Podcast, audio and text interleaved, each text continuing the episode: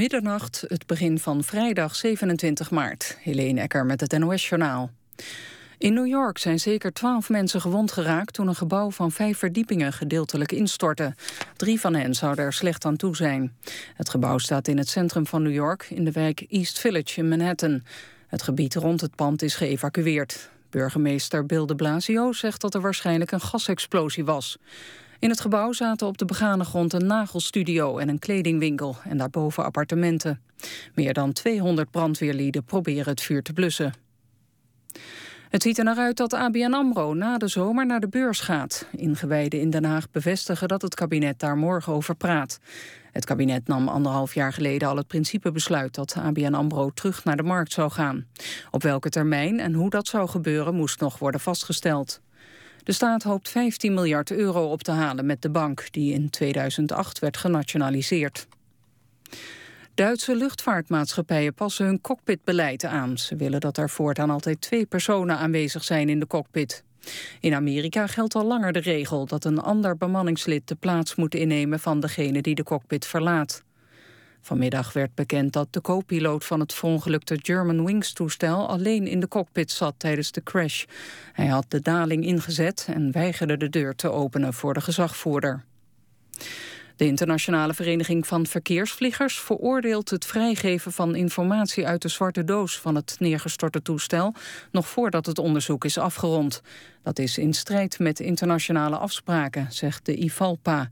Volgens de vereniging mag de informatie van de cockpit voice recorder niet worden misbruikt voor het voortijdig aanwijzen van schuldigen. Het weer. Vannacht trekken buien over het land en langs de westkust gaat het hard waaien. Morgen wisselen zon en wolken elkaar af en valt er nog een enkele bui. Smiddags wordt het ongeveer 9 graden. Dan nog verkeersinformatie. Op de A1 staat vanaf Amsterdam richting Amersfoort... tussen Diemen en Muiden 4 kilometer. En ook op de A1 tussen Hoevelaken en Barneveld staat 6 kilometer. Beide files worden veroorzaakt door wegwerkzaamheden. Dit was het NOS Journaal. NPO Radio 1. VPRO.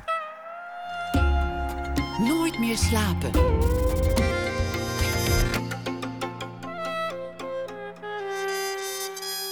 Met Pieter van der Wielen. Goedenacht en welkom bij Nooit meer slapen. F. Starik legt de afgelopen dag vast en draagt zijn bevindingen voor na ene. Wat te doen in het geval van een aangekondigde dood? Is daar eigenlijk een etikette voor? Daarover na één uur met onder andere Ivan Wolfers, die zelf ongeneeslijk ziek is. En we bekijken de grote Matisse-tentoonstelling, die zal openen in het Stedelijk Museum in Amsterdam. Maar we beginnen met Ton Koopman. Zijn vader wilde ooit jazzmuzikant worden, maar Ton zelf raakte al jong gefascineerd, nee, wat zeg ik, bezeten van de oude muziek. En dan vooral Johann Sebastian Bach. Collega's en vrienden omschrijven hem als niet te stoppen, altijd in de weer, onvermoeibaar. Met projecten zoals het opnemen van alle kantates van Bach of de werken van componist Boekstehoede. Of op tournee zijn met zijn Amsterdam Barok Orchestra over de hele wereld. Onlangs nog in uh, San Francisco, waar hij gastdirigent was. Als hoogleraar in Leiden, waar hij uh, de kennis en de theorie achter die oude muziek uh, onderwijst en onderzoekt. Want kennis is ook belangrijk. Weten hoe het in de tijd van Bach zelf geklonken zou moeten hebben. Dat was ook de gedachte achter de oude muziekbeweging, waarvan hij een van de pioniers was in de jaren 70. Zelf is hij onlangs 70 geworden, maar van stoppen is allerminst sprake. Ton Koopman, hartelijk welkom. Dankjewel. Hoe, hoe is dat eigenlijk uh, begonnen? Weet je nog wanneer je voor het eerst Bach hoorde? Is, is dat een moment geweest? Ja, dat is heel lang geleden. Want ik was een jongetje die in een kerkkoor zong. En ik had die kerkkoor. En uh, daar werd met, vooral met kerstmis werden daar koralen uit het Warnatorium gezongen. En natuurlijk uh, uit kantate 147. Dat werd gezongen. Dat vond ik altijd al prachtig. En ik begon al heel vroeg uh, met orgelspelen. Uh, ik kreeg laat pianoles voor een pianist pas toen ik een jaar of tien was. Maar op mijn elfde was ik organist in een kelkpelletje. En ja, daar waren eigenlijk drie componisten favoriet. Dat was Bach, Buxtehude en Frescobaldi. En ja, dat is mijn hele leven ook gebleven. Er zijn wel andere bijgekomen. Maar deze zijn nooit verdwenen. Is die magie nog hetzelfde? Ja, dat denk ik wel. Ik heb altijd uh, bij uh, iemand als Bach altijd het gevoel gehad... hoe is het mogelijk dat iemand met zo weinig bouwstenen zoveel kan doen? Dat hij je kan raken in je hart met de emoties die, die zo ongelooflijk sterk zijn. en aan de andere kant, als je de muziek analyseert, dan denk je, ja, het is een simpele melodie. Maar wat hij doet met de harmonieën daarbij, dat is ongehoord. En ook nog steeds, wat is het, 250 jaar, nee, 265 jaar na zijn dood ja. Blijft dat doorgaan? Ja, ik denk dat, uh, nou voor mij is Bach uh, het centrum van de muziekgeschiedenis. De, de belangrijkste componist die er ooit geweest is. En, uh, maar je ziet ook, ik ben zoals je misschien weet ook boekverzamelaar. En als ik een, welke catalogus ook neem van een boek antiquariaat... dan is het grootste hoeveelheid boeken die gaan over Bach en over Wagner. Wagner is niet mijn grootste liefde. Maar het is leuk om te zien dat er ook eh, heel veel festivals zijn over Bach. Bach spreekt ook de jonge mensen nog steeds aan. En uh, ja, het is omdat je Bach kunt genieten op heel veel niveaus. Een boekverzamelaar en ook een vervent lezer. Ik, ik zag een, een, een, film die over je gemaakt is vorig jaar. En uh, dat begint al meteen met het inpakken van de koffer om op tournee te gaan. En, en dan hoeveel boeken er mee mogen. De, weegschaal in de buurt en, en je vrouw die zegt, nou kom, hoeveel dagen ga je nou helemaal weg? Je hebt nu al zeven boeken, moet, moet er nou echt een achtste bij? En dan toch nog eentje er op het laatst bij, bij stoppen. Ja, ik, ik eh, ben altijd bang dat er tijd overblijft. En uh, er is nog zoveel te lezen. En ik koop altijd heel veel boeken om te lezen. En ja, ik koop meer dan ik kan lezen. Hè, ondanks dat ik mijn best doe. En ja, als ik zo naar Amerika ga, dan neem ik een hele koffer mee met alleen maar boeken. En als het in, tussen de kleren moet, wat normaal in Europa voor een weekje weg is. Ja, dan is naast mijn handbagage is ook de, de koffer waar de kleren in zitten uh, goed gevuld met boeken. Want je weet maar nooit. En uh, je hebt ook niet altijd zin om het eerste boek waar dat je koffer komt te lezen. Ik lees soms ook vier boeken op hetzelfde moment. En ja, iedereen heeft er zijn eigen ritueel in. En er zijn boeken die je, die je in, in een half uur uit hebt, omdat er niks in staat. Er zijn boeken waar je verwacht dat er niks in staat. En daar ben je tien uur mee bezig en gefascineerd.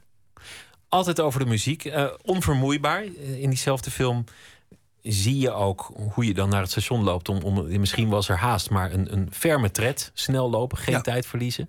Dat blijkt ook wel uit, uit de loopbaan. Want alle kantates van Bach opnemen. Er zijn veel mensen in, in die wereld van de oude muziek die daarvoor zouden terugdeinzen. Omdat het, dat het een, een absurd groot project is. Ja, als je ermee begint, heb je ook niet in de gaten wat daar voor geweldige uh, problemen aan zitten. Mijn vrouw Tini die was de opnameleider en die stond vaak ook aan de andere kant van de streep. Want zij moest zorgen dat ze op de band kreeg uh, dat ze wat ze wilde hebben. Ook inderdaad die kwaliteit had. En uh, omdat ik medespeler ben, uh, was je een bepaald vond je het zo mooi dat ik zei, nou dat is toch geniaal. En zei, wil je het even horen? En ik leerde al heel snel dat ik dat beter niet kon doen. Want je luistert veel objectiever en ze heeft geweldig goede oren. En uh, dus het was een, een project van ons samen ook. Heel duidelijk project van ons samen. En uh, samen met heel veel vrienden in het orkest, in het koor, als solisten, de opname technicus. Uh, het was een, een hele bijzondere tijd waar uh, misschien aan onze kant minder, maar aan de kant van veel mensen die daar meededen, behoorlijk wat traantjes gevloeid zijn. Want Bachs muziek is ongelooflijk moeilijk. Maar en, ook, ook een, een, een project dat een beslag legde op heel veel tijd. Ook een, een extra hypotheek op het eigen huis om, het, om het rond te krijgen. Ja. Um, ik las ergens dat je dochters op een zeker ogenblik hebben gezegd: Oké, ik wil best komen eten, maar het mag niet over Bach gaan. Ja, ja dat klopt. En uh, er is zelfs in de Volkskrant een uh, interview geweest. Er was iemand die interviews deed met bekende Nederlanders. Maar met de poezen van bekende Nederlanders. En onze poes werd zogenaamd geïnterviewd. Maar het waren natuurlijk onze kinderen die toen al thuis woonden. En uh, die, die poezen vonden ook dat er heel wat minder Bach moest komen. En dat een van de poezen die ging bij mij op schoot zitten om dat Bach geroezen moest tot nul te reduceren. Maar de kinderen zeiden er ook bij, want mijn vrouw houdt heel erg van tuinieren en van een mooie tuin. Uh, ook daar moest minder over gesproken worden. Dus de kinderen hadden een duidelijk idee. Dat schetst al met al een beeld van, van iemand die, die enorme haast heeft. Die, die enorm bezeten is door die, door die muziek. Die, die eigenlijk een leven heeft dat volledig in het teken staat van die muziek. De studie naar die muziek, uh, de uitvoeringspraktijk, het, het lesgeven, het optreden maar die eigenlijk af en toe ook afgeremd moet worden. Ja, dat is natuurlijk altijd waar. Je, uh, het gevaar is dat je, dat je maar doorgaat, maar doorgaat. En uh, ik denk, uh, 30 jaar geleden ehm, voor dat punt was als er in de zomer met op vakantie gingen, was er ergens wel ondertussen wel een concert ergens onderweg, er was een cursus onderweg en de kinderen gingen mee, maar het was natuurlijk toch niet echt vakantie. En op een bepaald moment zei mijn vrouw, ik stel voor dat we nu, en we gingen toen een, een, een tweede huis huren in Italië, dat wij dat alleen maar doen op het moment dat we ook echt vakantie houden. vanaf dat moment hebben we dus in de zomer vijf, zes weken vakantie gehouden. En dat doen we nog steeds. En uh, langzaam zeker de laatste jaren, dus naast Pasen en Kerst... Uh, zeggen we ook na een week of zes, zeven... we gaan één week ertussen tussenuit. Uh, niet omdat we niks doen, want we hebben een klavecimbal, we kunnen studeren. Er is een orgel waar ik op kan studeren, want het conservatorium van de stad Verona heeft een orgel. En uh, ja, ik ben een soort ere professor daar, dus ik kan daar gewoon spelen. Uh, een oud-leerling van ons die woont daarboven, dus ook als ze samen klavecimbal zouden willen spelen, zou het nog kunnen. Maar vooral, we houden van, van Verona. En we houden van dat rustige moment waar in de vakantie de familie een familie is. En vroeger, toen onze kinderen natuurlijk allemaal meegingen met vakantie... was dat een, een uniek moment dat ze zich nog steeds herinneren. En nu, nu ze langzamerhand met hun kinderen komen... is het heel bijzonder om... Uh, een van de kleinkinderen die houdt verschrikkelijk van kastelen. Dus ik kan hem geen beter plezier doen... dan met hem een paar kastelen per dag gaan bekijken. En dan zegt hij, ik hou niet van praatkastelen. Hij is zeven, uh, uh, waar dus iemand een rondleiding doet. Want ja, dat gaat natuurlijk in het Frans of het gaat niet. Daar staat helemaal niks van. Maar hij vindt het leuk en je kunt vertellen wat hij wil. Hij is heel eager om, om dat te horen. Nou, dat is gewoon heel erg leuk om dat te doen. het, de kinderen beginnen, kleintjes beginnen nu allemaal ook uh, leuk te vinden om een kindermonopoly te doen. Uh, uh, ik zat pas geleden te dammen met een van hen. ik heb spelletjes altijd leuk gevonden. In de vakantie speelde ik altijd met onze kinderen ook spelletjes. En in het begin liet ik ze, liet ik ze winnen. Tot ze op een bepaald moment zo ver waren dat ze mij konden laten vriezen. Dat vonden ze veel leuker dan ik ze, ze niet winnen. is ook veel leuker natuurlijk. Ja, ja en, maar het was, het was heel leuk. En, en ik moet zeggen, tussen alle bewegingen door al het weg zijn uh, is de familie Koopman ook, vooral dankzij mijn vrouw, is familie gebleven. Uh, het is nog steeds leuk om bij elkaar uh, dingen te vieren. Dat doen we ook. We zien elkaar. Ze zijn je nooit kwijtgeraakt aan het orkest, aan de boeken, aan het nee. klavier? Nee, en dat is natuurlijk toch ook. ja, mijn vrouw is daar heel belangrijk in, in geweest en nog steeds. Om ook je tot de normale propositie. Want op het moment dat je uh, ik was dus nu net in, in San Francisco als gastdirigent van het, beroemde orkest daar. En uh, ja, je wordt natuurlijk in de watten gelegd. Alles kan. Je hebt een chauffeur. Uh, moet je ergens in? Ja, dat kan. En ehm, je, je gaat met, met veel mensen langs ik op al die plekken. Ik heb je vrienden. Je gaat eten. je zit in een goed hotel. Je reist aangenaam. Al dat soort dingen maakt dat je thuis komt. Ik weet dat mijn vrouw me bepaald zei dat ik thuis kwam. En begon te protesteren dat er twee pakken hagelsdag op tafel stonden. Want ik zei, één is toch wel genoeg. En zei, wat moet je eigenlijk mee? dat is voor de ene kant en dat is voor de andere kant. We hebben eh, drie, drie dochters. Dus het was makkelijk op die tafel om het zo te doen. Nou, ik heb geleerd dat je dat gewoon zo moet doen. En dat dat heel gezellig want, is. Want er zijn natuurlijk heel veel uh, dirigenten, ook in de oude muziek, die, die op een gegeven moment wel een ego krijgen. Het zijn natuurlijk sterren, ook, ook in hun eigen wereld. Mm -hmm. En uh, in de opera's wat beruchter dan de oude muziek wellicht. Maar ook in de oude muziek speelt dat natuurlijk wel veel op reis. Mensen elke dag in een andere stad. Hmm. Mensen die, die, die voor je buigen. Ja. Dat gebeurt in die wereld ook natuurlijk. Ja, dat, dat is niet anders dan in de, in de symfonische wereld. En ja, het is een beetje wat je daarmee doet. Uh, uh, vind je het heerlijk om die ster te zijn... en vooral uh, laat je het allemaal aanleunen en vind je het langzaam zeker normaal? Of kun je op ieder niveau met iedereen die je in zo'n wereld tegenkomt, gewoon een gesprek voeren. En, en vind je dat ook leuk en ben je er ook bij betrokken. Dus ik denk, uh, dat is toch wel uh, afhankelijk ook van je omgeving, hoe je daarmee omgaat.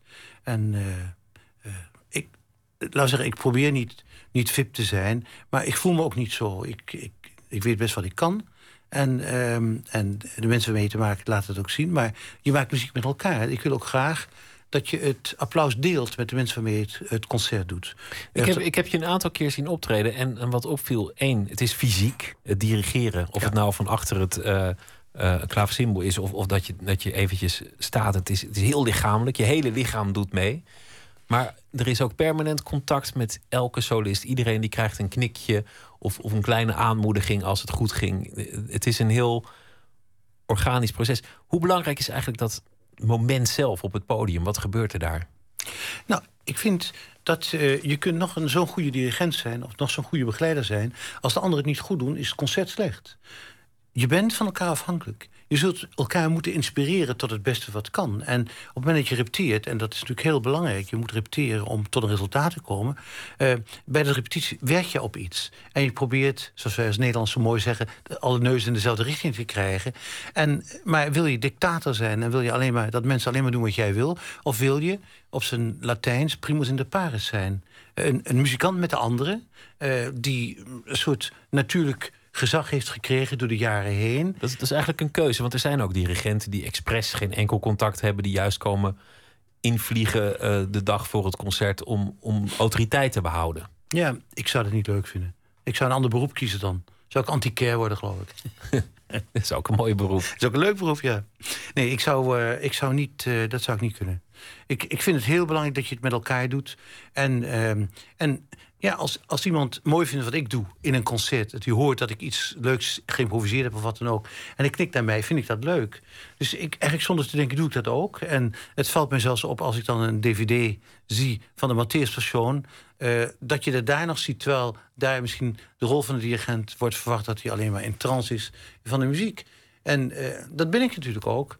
Maar ik ben me bewust van wat er allemaal om me heen gebeurt. En ik ben me heel erg bewust van hoe afhankelijk ik ben... dat dat geweldige mensen zijn. De Matthäus Passion, het komt er natuurlijk weer aan met uh, Pasen en, en alle uitvoeringen. Niet applaudisseren staat er uh, met grote letters altijd op de, op de aankondigingen. We gaan luisteren naar één, één stuk en het is uitgekozen door onze muzieksamensteller Lotje IJzermans. En die koos dit juist omdat het zo'n bekend stuk is. Omdat dat heel veel mensen, zelfs mensen die eigenlijk niet zoveel met klassieke muziek hebben, dit stuk draaien, liefhebben. En dat is natuurlijk gewoon uit de Matthäus Passie, Erbaar me dich.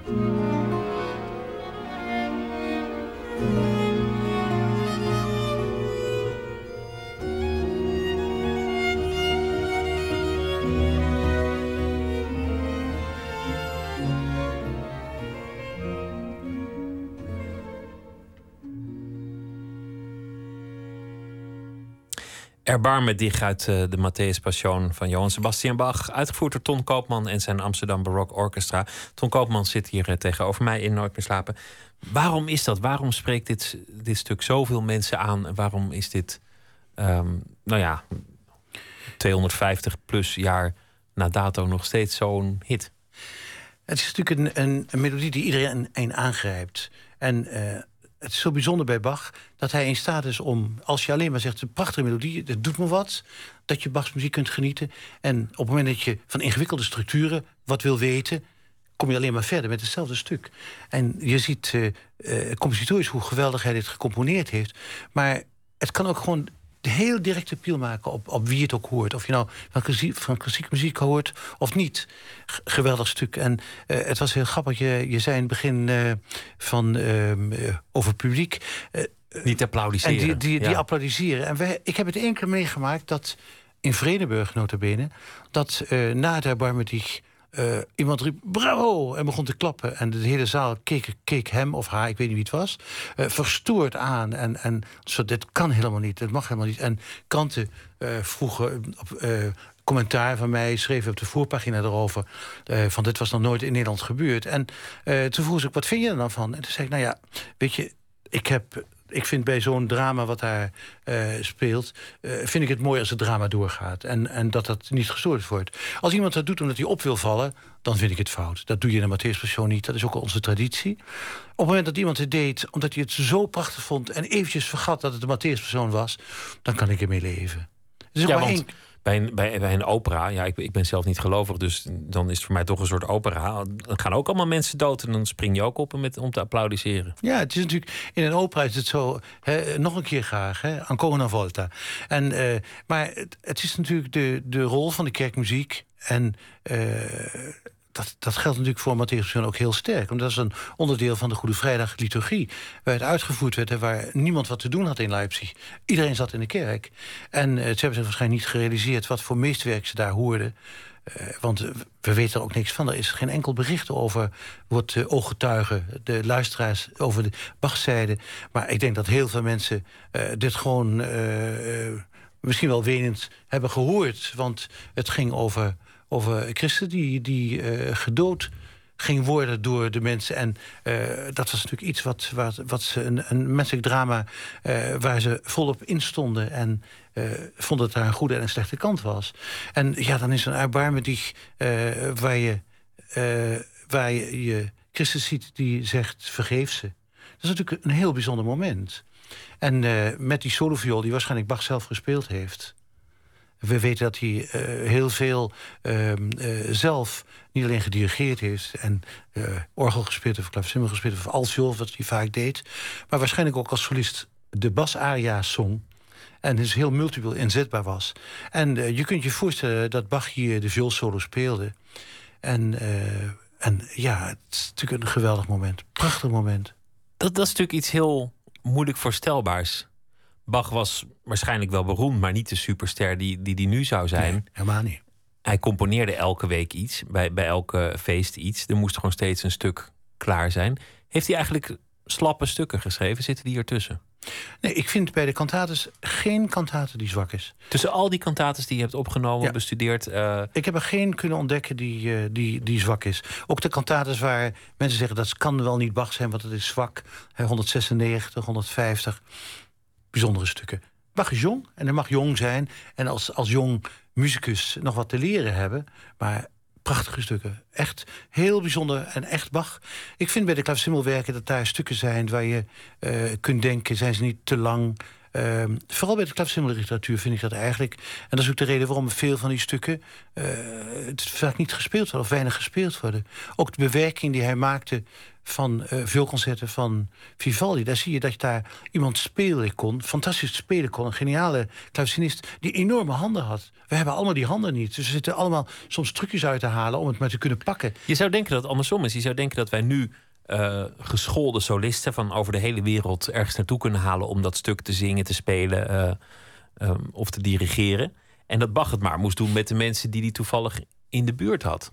Ik denk dat een geniaal mens, en ik vergelijk uh, Bach altijd met Leonardo da Vinci, die konden niet tegen middelmaat. Het is ook bekend dat Bach zo nu dan stevig op kon treden tegen iemand die het verziekt had, of het slecht gezongen had, of slecht gespeeld had. Maar ik ben ervan overtuigd dat die moeilijke trompetpartijen die Bach schreef, dat daar iemand was die het kon spelen. Want uh, je bent toch een gek figuur als je iets schrijft waar je iedere keer weer uh, op je donder krijgt. Want je hebt iets geschreven wat iemand niet kan spelen. En of die trompet nou uh, te horen krijgt dat hij, dat geen goede muzikus is. Het, het, staat uiteindelijk op jou als componist af. En ik denk dat Bach geweldige muzici heeft. Frans Brugge heeft ooit eens gezegd...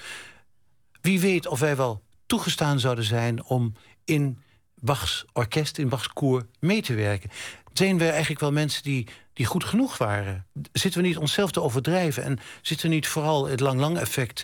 Uh, alleen maar te denken van, ja, wij zijn technisch zo goed. Uh, en dat is het enige. Maar je praat over heel veel meer dingen dan alleen maar technisch goed. Bach wist wat ze mensen konden. Schreef zeker up to wat niet mogelijk was. Maar ze konden het. En het zal eens een keer misgegaan zijn. Het zal eens een keer verschrikkelijk misgegaan zijn. Uh, maar ik denk dat vaak de uitvoering van Bach op hoog niveau... Bach... We, we, we, zullen er nooit een opname van horen. Dus dat nee. blijft, altijd, blijft altijd gissen. Is, is het belangrijk hoe het voor Bach geklonken moet, moet hebben? Want dat was eigenlijk in de jaren zeventig de hele achtergrond van de, de, de oude muziekbeweging. Een, ja. een groep zeer getalenteerde jonge muzikanten... die, nou ja, Jordi Saval in, in, uh, in, in, Spanje en... Uh, um, de gebroeders Kuiken in Vlaanderen, noem maar op. Die zeiden we gaan terug naar de praktijk van hoe het toen geklonken moet hebben. Er waren toen mensen die zeiden wat een onzin. Het klinkt toch prima op een piano, het klinkt toch prima op, ja. uh, op niet-darmsnaren, weet ik het. Nou, in eerste instantie klonk het niet, niet prima. Want uh, op, op het moment dat je uh, ik ben, heb een tijd lang uh, bij het uh, Concertgebouworkest meegespeeld... en ook continu gespeeld bij een hoormes met ook in Jochem. En Eugen vond ik een, hele vriendelijke man. Maar je ziet natuurlijk een veel te groot koor, een veel te groot orkest... wat daar speelt. En met een emotie die toch uh, meer 19e eeuw dan, dan 18e eeuw heeft. En ik heb het altijd opmerkelijk gevonden dat op het moment dat een, een orkest of een ensemble iets speelt van een moderne componist, die staat erbij en zegt: Mijn heren, mijn dames en heren, we spelen vandaag dit stuk zonder vibrato. Uh, want dat vind ik goed bij dit stuk. Dan zegt iedereen ja. Ja, maestro, natuurlijk, dat doen we. Moment dat de componist dood is, doen we waar we maar zin in hebben. We stellen geen parameters. Dit hoort tot het tijdsbeeld. Dit hoort tot de ideeën van die tijd. En ik vind dat je moet onderzoeken voor zover je dat weet, hoe mensen speelden, hoe mensen zongen. En dan zul je nog steeds moeten afvragen... hebben we al 35% gevonden of zitten we veel hoger? Uh, er is een, een marge waar creativiteit alleen maar je eruit kan helpen. Maar er zijn een aantal dingen toch wel heel erg duidelijk. En uh, uh, ik weet dat vroeger, als het Concertgebouworkest uh, de Matthäus uitvoerde... dat alle blazers dubbel waren dat er een, een, een overvol podium zat. En uh, dat er een heel luid orgel mee kon klinken. Uh, wat allemaal dingen zijn die in die tijd niet gebeurden. En het werd, het werd daardoor vooral minder transparant. Je hoorde eigenlijk ja. niet meer goed wat de partijen waren. Het werd dik. En, en uh, ja, contrapunt verwacht, verwacht helderheid. Want je wilt de structuur horen. Ik denk dat het belangrijk is in barokmuziek en in de barok in het algemeen... dat men van structuur hield. Zonder de structuur snap je een fuga niet. Je kunt nog zo genieten van een, van een fuga... maar je moet toch weten hoe dat zit als interpretator... dat je het anders niet een, een duidelijk uh, lucide verhaal op kunt hangen. Achteraf is het moeilijk voorstelbaar dat de oude muziek... Eigenlijk het toneel was van rebellen. Maar dat was het wel degelijk in de klassieke muziekwereld. Jullie waren de rebellen. Ja, het was echt een soort revolutie. Als je denkt dat Frans Brugge... Um, um, de Leeuw tomaten gooiden naar het, naar het Concertgebouworkest... omdat ze uh, vonden dat ze te weinig aan uh, moderne muziek deden. En ja, dat was een moment waar je kon, je kon ook niet bedenken... wij hebben daaraan meegedaan in die anti-Vietnam-protestconcerten in Carré. Daar zaten we dan met Rick van der Linden... En, uh, en mensen uit de jazzwereld uh, een jam session te doen. En iedereen op zijn manier. En het was eigenlijk heel bijzonder. En ik geloof die, die wereld was uh, zeer links. Was zeer betrokken bij politiek. En, en wilde vooral niet in rok optreden, maar het was in jeans. En dus dat soort, dat soort bijzondere momenten, daar past die muziek in. Het, was, het moet anders, dat was duidelijk. Want, uh, het, het, waren mannen met baarden en spijkerjasjes. Toch? Ja, en als je mijn baard ziet, dan kon je dat toen de tijd kon je dat uh, heel. Uh, was het echt heel zin. Maar ik, ik, had helemaal niet een lange, lange baard of lange haar, omdat het een protest was. Maar het was veel goedkoper om niet naar de kapper dan wel te gaan. En, dat, en er was ook meer tijd over om, om met de muziek bezig te ja, zijn. Ja, daarom. En, Hoe kijk je aan tegen de, de, de nieuwe generatie? Um, in de oude muziek er komen, komen weer nieuwe ensembles ja. op. Er zijn, zijn weer nieuwe talenten. Ja, die, die lijken eigenlijk dat een beetje voorbij zijn, minder bezig te zijn met wat zou Bach hiervan denken of hoe heeft het toen geklonken? Kijk, op het moment dat het ministerie uh, een, een, fonds voor de, de podiumkunsten vindt dat het vernieuwend moet zijn, dan heb je het altijd moeilijk met oude componisten, zijn al heel lang dood. En uh, op het moment dat de eerste strijd over authenticiteit geleverd is en het zoeken naar de bronnen, dan kun je over details met elkaar praten. En dan kun je inderdaad maar in de crossover dingen gaan zoeken.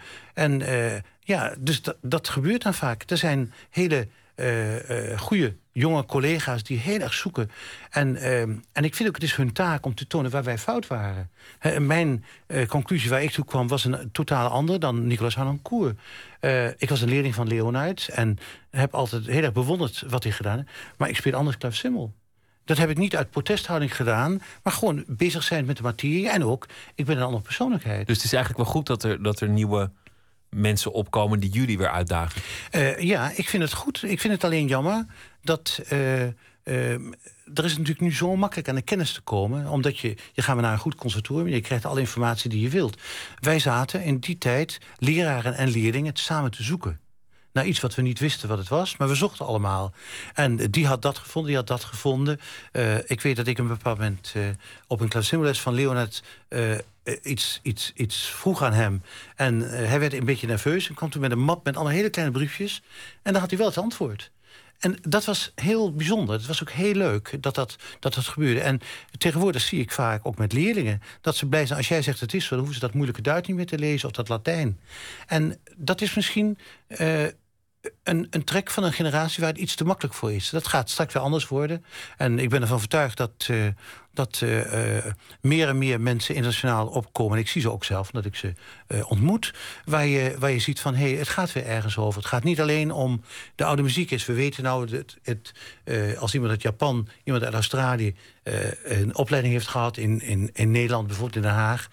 die weten allemaal hoe het moet. Dus er is geen verschil tussen wat daar gebeurt en wat hier gebeurt. Nou, ik denk dat het heel belangrijk is om te constateren dat in Italië en in Frankrijk op hetzelfde moment als Bach zijn Matthäus schrijft, daar heel anders gemusiceerd wordt. Nou, dat moet je weten. Er zijn nog steeds heel veel elementen die we niet uh, precies hebben. Kortom, de kennis is heel belangrijk. Dat, dat is ook waarom je uh, aan de Universiteit in Leiden doseert en, en, en, onderzoek doet. En ook uh, mensen begeleidt met, met hun uh, onderzoek. Ja. Je zei terloops iets over uh, subsidie. Nooit een heel leuk onderwerp om over te praten. Maar ik, ik hoorde het verhaal dat op een zeker ogenblik um, de, de subsidie-bobo's hadden besloten van nou, dat orkest van die koopman, daar houden we mee op. Die, die krijgen niks meer. Is het waar dat toen ongeveer de dag erna de gemeente Bordeaux heeft opgebeld en gezegd Jullie hoeven alleen maar de naam te veranderen in orkestre de Barok de Bordeaux... en jullie krijgen van ons dat geld plus iets extra? Dat was eerder. Dat was uh, niet zo lang daarvoor. Uh, in, de, in de periode dat, uh, dat wij zeiden... we krijgen te weinig subsidie... Um, toen speelde dat. Omdat ik doe een festival in... in in de buurt van Bordeaux. En ik kende de mensen ook. En zij, het opera van Bordeaux zat heel erg te zoeken naar een mogelijkheid om het barokrepertoire adequater te doen. En uh, nou, zij vonden het eigenlijk best een interessant idee. Ze hebben bepaald gespeeld met het idee om uh, mensen uh, door ons op te leiden en dan iets van gecombineerd iets te gaan maken. Um, we hebben daar serieus over gepraat. En uh, toen dat dus onderdeel werd van de van ja, jongens, we hebben, we hebben meer geld, want we krijgen te weinig. Als je vergelijkt met alle buitenlandse instellingen, alle buitenlandse collega's, is het peanuts wat Nederland betaalt. Um, toen hebben ze gebeld met het Instituut Nederlandais in Parijs. En uh, daar was iemand die, die mij goed kent, uh, die daar toen de leiding had. En die vroegen, ja, hoe zit dat eigenlijk met Koopman en Bordeaux? Is dat iets? En ja, zij wist inderdaad te vertellen dat ik die mensen kende.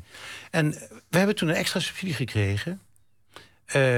En um, uh, toen kwam dus het moment op de studie aan. En uh, het ministerie heeft zelfs heel erg eh, sympathiek, moet ik zeggen... Uh, mij een interview laten doen voor, een tijdschrift dat ze uitgeven... waar ehm, schonnen was niet door het ministerie, maar door iemand anders. En een interview wat er gebeurd was, daar heb ik het ook allemaal heel eerlijk verteld wat er allemaal gebeurd was. En, uh, maar dat is eigenlijk tragisch, hè? Dat, wat het betekent namelijk dat de, de stad Bordeaux denkt: God, nou ja, een barokorkest die over de hele wereld optreden, die hartstikke beroemd mm zijn, die eigenlijk gratis reclame voor ons maken, of althans uh, mm niet gratis, maar uh, het levert ze kennelijk iets op. Ja. En hier in Nederland, na al die jaren over de hele wereld beroemd, moet je nog steeds sappelen en een, en een aanvraagje indienen. Ja, het is nog steeds heel moeilijk. En ook de aanvragen zijn zo eigenlijk onbegrijpelijk. Je moet een aanvraag doen waar ik moet zeggen... waarom mijn Matthäuspersoon beter is dan de Bachvereniging... of uh, van iemand anders. Dat kan ik toch niet schrijven? Dat wil ik ook niet schrijven. Ik sta voor mijn Matthäuspersoon... en een ander staat voor die van zijn zijn uh, versie. En zo moet het blijven. Dat mag je een artiest niet vragen om een, een waardeoordeel te spreken uit, over de andere. Dat vind ik echt heel erg fout. En, Doe je het uh, nog steeds, uh, het aanvragen? Of denk je ook wel eens, nou, laat maar zitten, ik, ik treed al een paar keer extra nou, we, hebben, we hebben deze keer de aanvraag niet gedaan. De vorige keer was het afgewezen. En dat maakt je zo boos. En natuurlijk, er zitten andere kanten aan. We hadden in het jaar waar het afgewezen minder in Nederland gespeeld. Omdat onze markt buiten uh, Nederland nog steeds veel makkelijker is dan in Nederland. En uh, dat je soms in Nederland nog steeds uh, zalen moet overtuigen... dat je, hoewel je er al zo lang staat... dat het moeite waard is om dat te horen. Want hè, er wordt dan gezegd, ja, dat ensemble van jou is oud. Maar mijn ensemble, ik ben oud. Ik ben niet oud, maar ik ben ouder dan hen. Maar of het nou de Bachvereniging is, of het nou het orkest van de 18e eeuw is. Uh, de leeftijden van die ensembles, ook de jonge, de, de, de B-rock... zijn voor een deel mensen die bij ons spelen. Dus het, het is helemaal niet zo dat uh, het, uh, een leeftijd, je kunt alleen zeggen... is anciëniteit misschien niet juist iets interessants om de ervaring door te geven. En ehm, dat heeft mij altijd pijn gedaan. Dat eigenlijk dat, uh, waarschijnlijk door de nieuwe regels. De regels zijn ook zo moeilijk geworden dat iemand die zou willen op het ministerie het eigenlijk ook niet kan doen. Dus ik beklaag, ik klaag niet iemand aan hier, want uh, er zijn best wel pogingen geweest. En zelfs op het moment dat, uh, dat wij die dat het dus misging, is zelfs uh, Stuart Verster van het achter die met mij samen naar het ministerie gegaan. Dus daar is echt hulp geweest. En mensen hebben ook geprobeerd wel wat te versieren. Maar het probleem blijft dat eh, het koorrepertoire wat ik doe, is Bach. En dus bij uitstek niet vernieuwend. Als dat een criterium is, dan ja, ja en is... Op het moment dat je, dat je uh, het verschil tussen die van mij en van een ander niet hoort... Uh, dan kun je zeggen, dat is ook niet de moeite waard. Uh, maar ik kan er niet over praten. Ik kan alleen maar zeggen, kom het luisteren en overtuig je. Je zet er loopt iets leuks. Namelijk, ik ben oud. Nee, ik ben niet oud, ik ben ouder. Nou ja, 70. Ja, is het glas, ik ben niet oud, ja. Half vol, half leeg. Ja, daar, daar kan je over, over twisten. Hm. Um, toch zijn er al een aantal van die mensen uit die beweging niet meer onder ons. Frans Brugge, die, die noemde je. Net vijf jaar bijgetekend bij de Universiteit Leiden. Hm. Ehm, weer nieuwe projecten in het vizier. Is er ooit iets van een, van een horizon van, nou ja, dan, dan moet ik stoppen, dan wil ik niet meer? Of, of ben je echt voornemens om tot de aller, allerlaatste snik door te gaan? Nou, mijn vrouw vroeg niet zo lang geleden... hoe lang wil je eigenlijk doorgaan? Dus zei ik, nou, laten we eerst 85 en dan zien we wel weer. Kijk, je moet zorgen dat je, dat je gezond blijft. En uh, dat is heel belangrijk. En uh, op het moment uh, dat iemand ziek wordt... ja, dan, dan is er iets irreëels. Dan, dan, kun je, ja, dan kun je, niet meer toeren. Nee. Maar op dit moment... ik, ik geniet van het werk en ik denk dat uiteindelijk het werken als dirigent... dat je daar heel goed oud bij kunt worden. Want het is een, een heel rustig baantje. Ik studeer daarnaast ook nog. Ik speel nog orgel, ik speel klaversymbol, uh, ik schrijf. Uh, dat samen maakt dat je een heel druk leven hebt. Maar uh, op het moment dat een dirigent... Ik had nu net in San Francisco... een zo'n 4,5 uur repetitie op een dag. Twee dagen lang.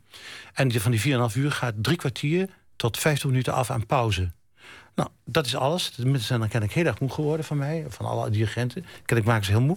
En dan is er de, de volgende dag is er een generale... die uh, de lengte van een concert heeft. En daarna is er alleen maar s'avonds een concert. Er wordt niet meer gerepeteerd.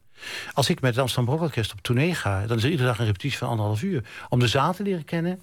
Uh, om dingen weer bij te regelen. En ik vind het ook heel belangrijk dat de hand aan de pols houden. Maar je zegt, je zegt het gekscherend. Ze worden moe van mij. Ik, ik nee. heb die film gezien. Ik denk dat ze ook echt moe worden. Want het is heel, heel precies. Zo'n laatste repetitie. Je zegt uh, die derde noot daar. En het zijn nogal wat noten. Iets meer nadruk erop. Iets langer die G. Dit, dit riedeltje moet iets meer zo. Het is zo precies en zo perfectionistisch. En, en mensen moeten soms in de repetitie wel, wel zeven, wel acht keer ja. het ding overnieuw doen. Het moet helemaal goed. Ik denk dat mensen echt heel moe zijn na een dagje Ton Koopman. Ja, nou, dat, zou, dat zou best kunnen. Maar um, aan de andere kant, als je goede muzici hebt, dan zijn er een heleboel dingen al vanzelfsprekend klaar. En dat scheelt natuurlijk enorm. Die mensen hoeven, uh, of het nou het Amsterdam Brokorkest is, of mijn koor, of, of in een, een, een beroemd orkest. Mensen hebben de techniek om het te spelen. Zijn dus in staat boven die techniek, uit die techniek te stappen en andere dingen te doen. En uh, aan de mensen waar ik heel vaak mee werk, vraag ik nog meer dingen. En daarom werk ik zo graag met mijn eigen orkest en koor. Uh, maar een, een orkest uh, zoals San Francisco, waar ik nou de vierde keer was... en er zijn andere moderne orkesten waar ik heel regelmatig ben... die groep die weet de eerste keer dat ik daar kom niet wat ze te wachten staat. Als je de tweede keer komt, weet ze al een beetje te wachten. En de derde keer hoef je bepaalde basisdingen niet meer te zeggen... die ik bij een nieuw orkest weer wel zou moeten zeggen. Dus het is relatief, maar de repetitietijd die ik krijg... is niet anders dan een ander. En ik denk, op het moment dat je een werk uitvoert uh, waar lange delen... Ik heb het net gezien, ik heb eind van het jaar... Uh, wat ik dan noem avant-garde muziek gedaan... namelijk de negende van Beethoven in Wenen. Uh, dat zijn hele grote brokken muziek. Daar ga je veel sneller doorheen dan korte deeltjes van een danssuite van, van Rameau. Het kost veel meer tijd. Je moet veel meer informatie geven als de mensen dat niet hebben. Laten we luisteren naar een, een opname van een een van de Brandenburger concerten, nummer 4. En wederom uitgevoerd uiteraard door het eigen orkest.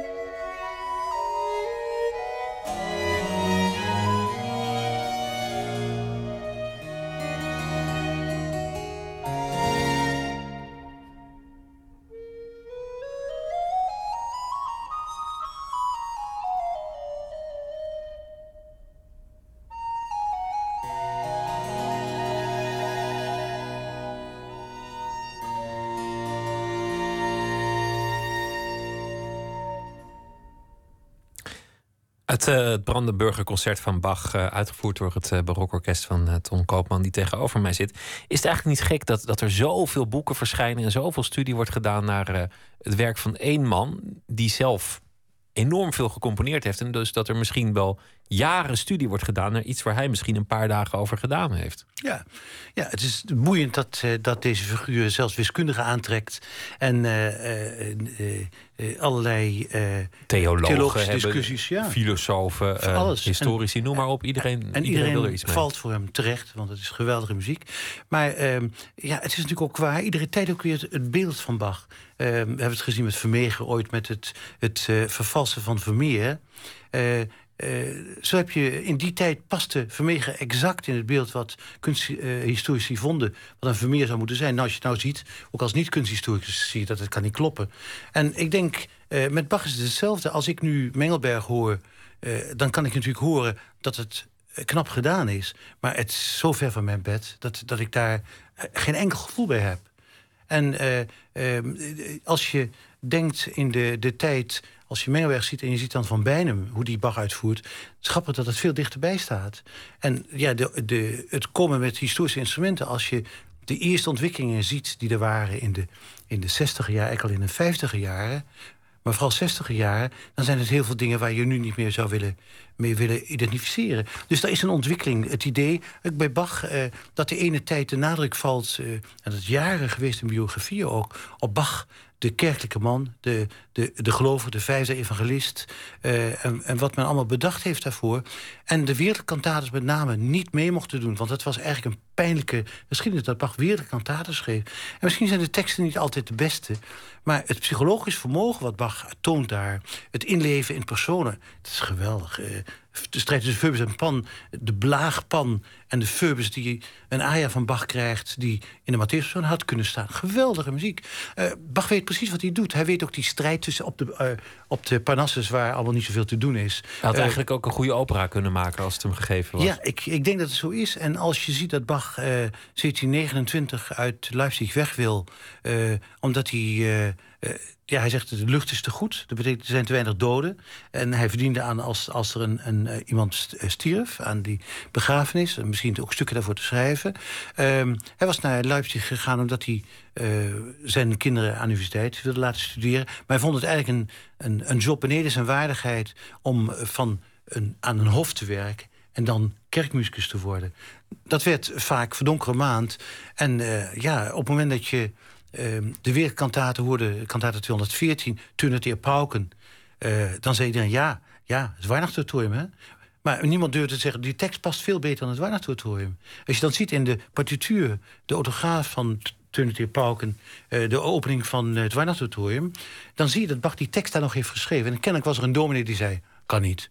Dat is uh, een te wereldlijk voor deze... Maar, maar, als je zo goed de muziek kent en, en zoveel weet van de uitvoering en de achtergrond... kom je dan ooit in de buurt van het genie van Bach? Denk, denk je dan ooit van nou, dit was mij wel gelukt, want ik weet ongeveer wat hij hier gaat doen, want dit, dit snap ik. Eigenlijk had ik dit bijna zelf kunnen bedenken. Nou, dat vind ik, dat heb, heb ik meer bij Telemann of bij Vivaldi dan bij Bach.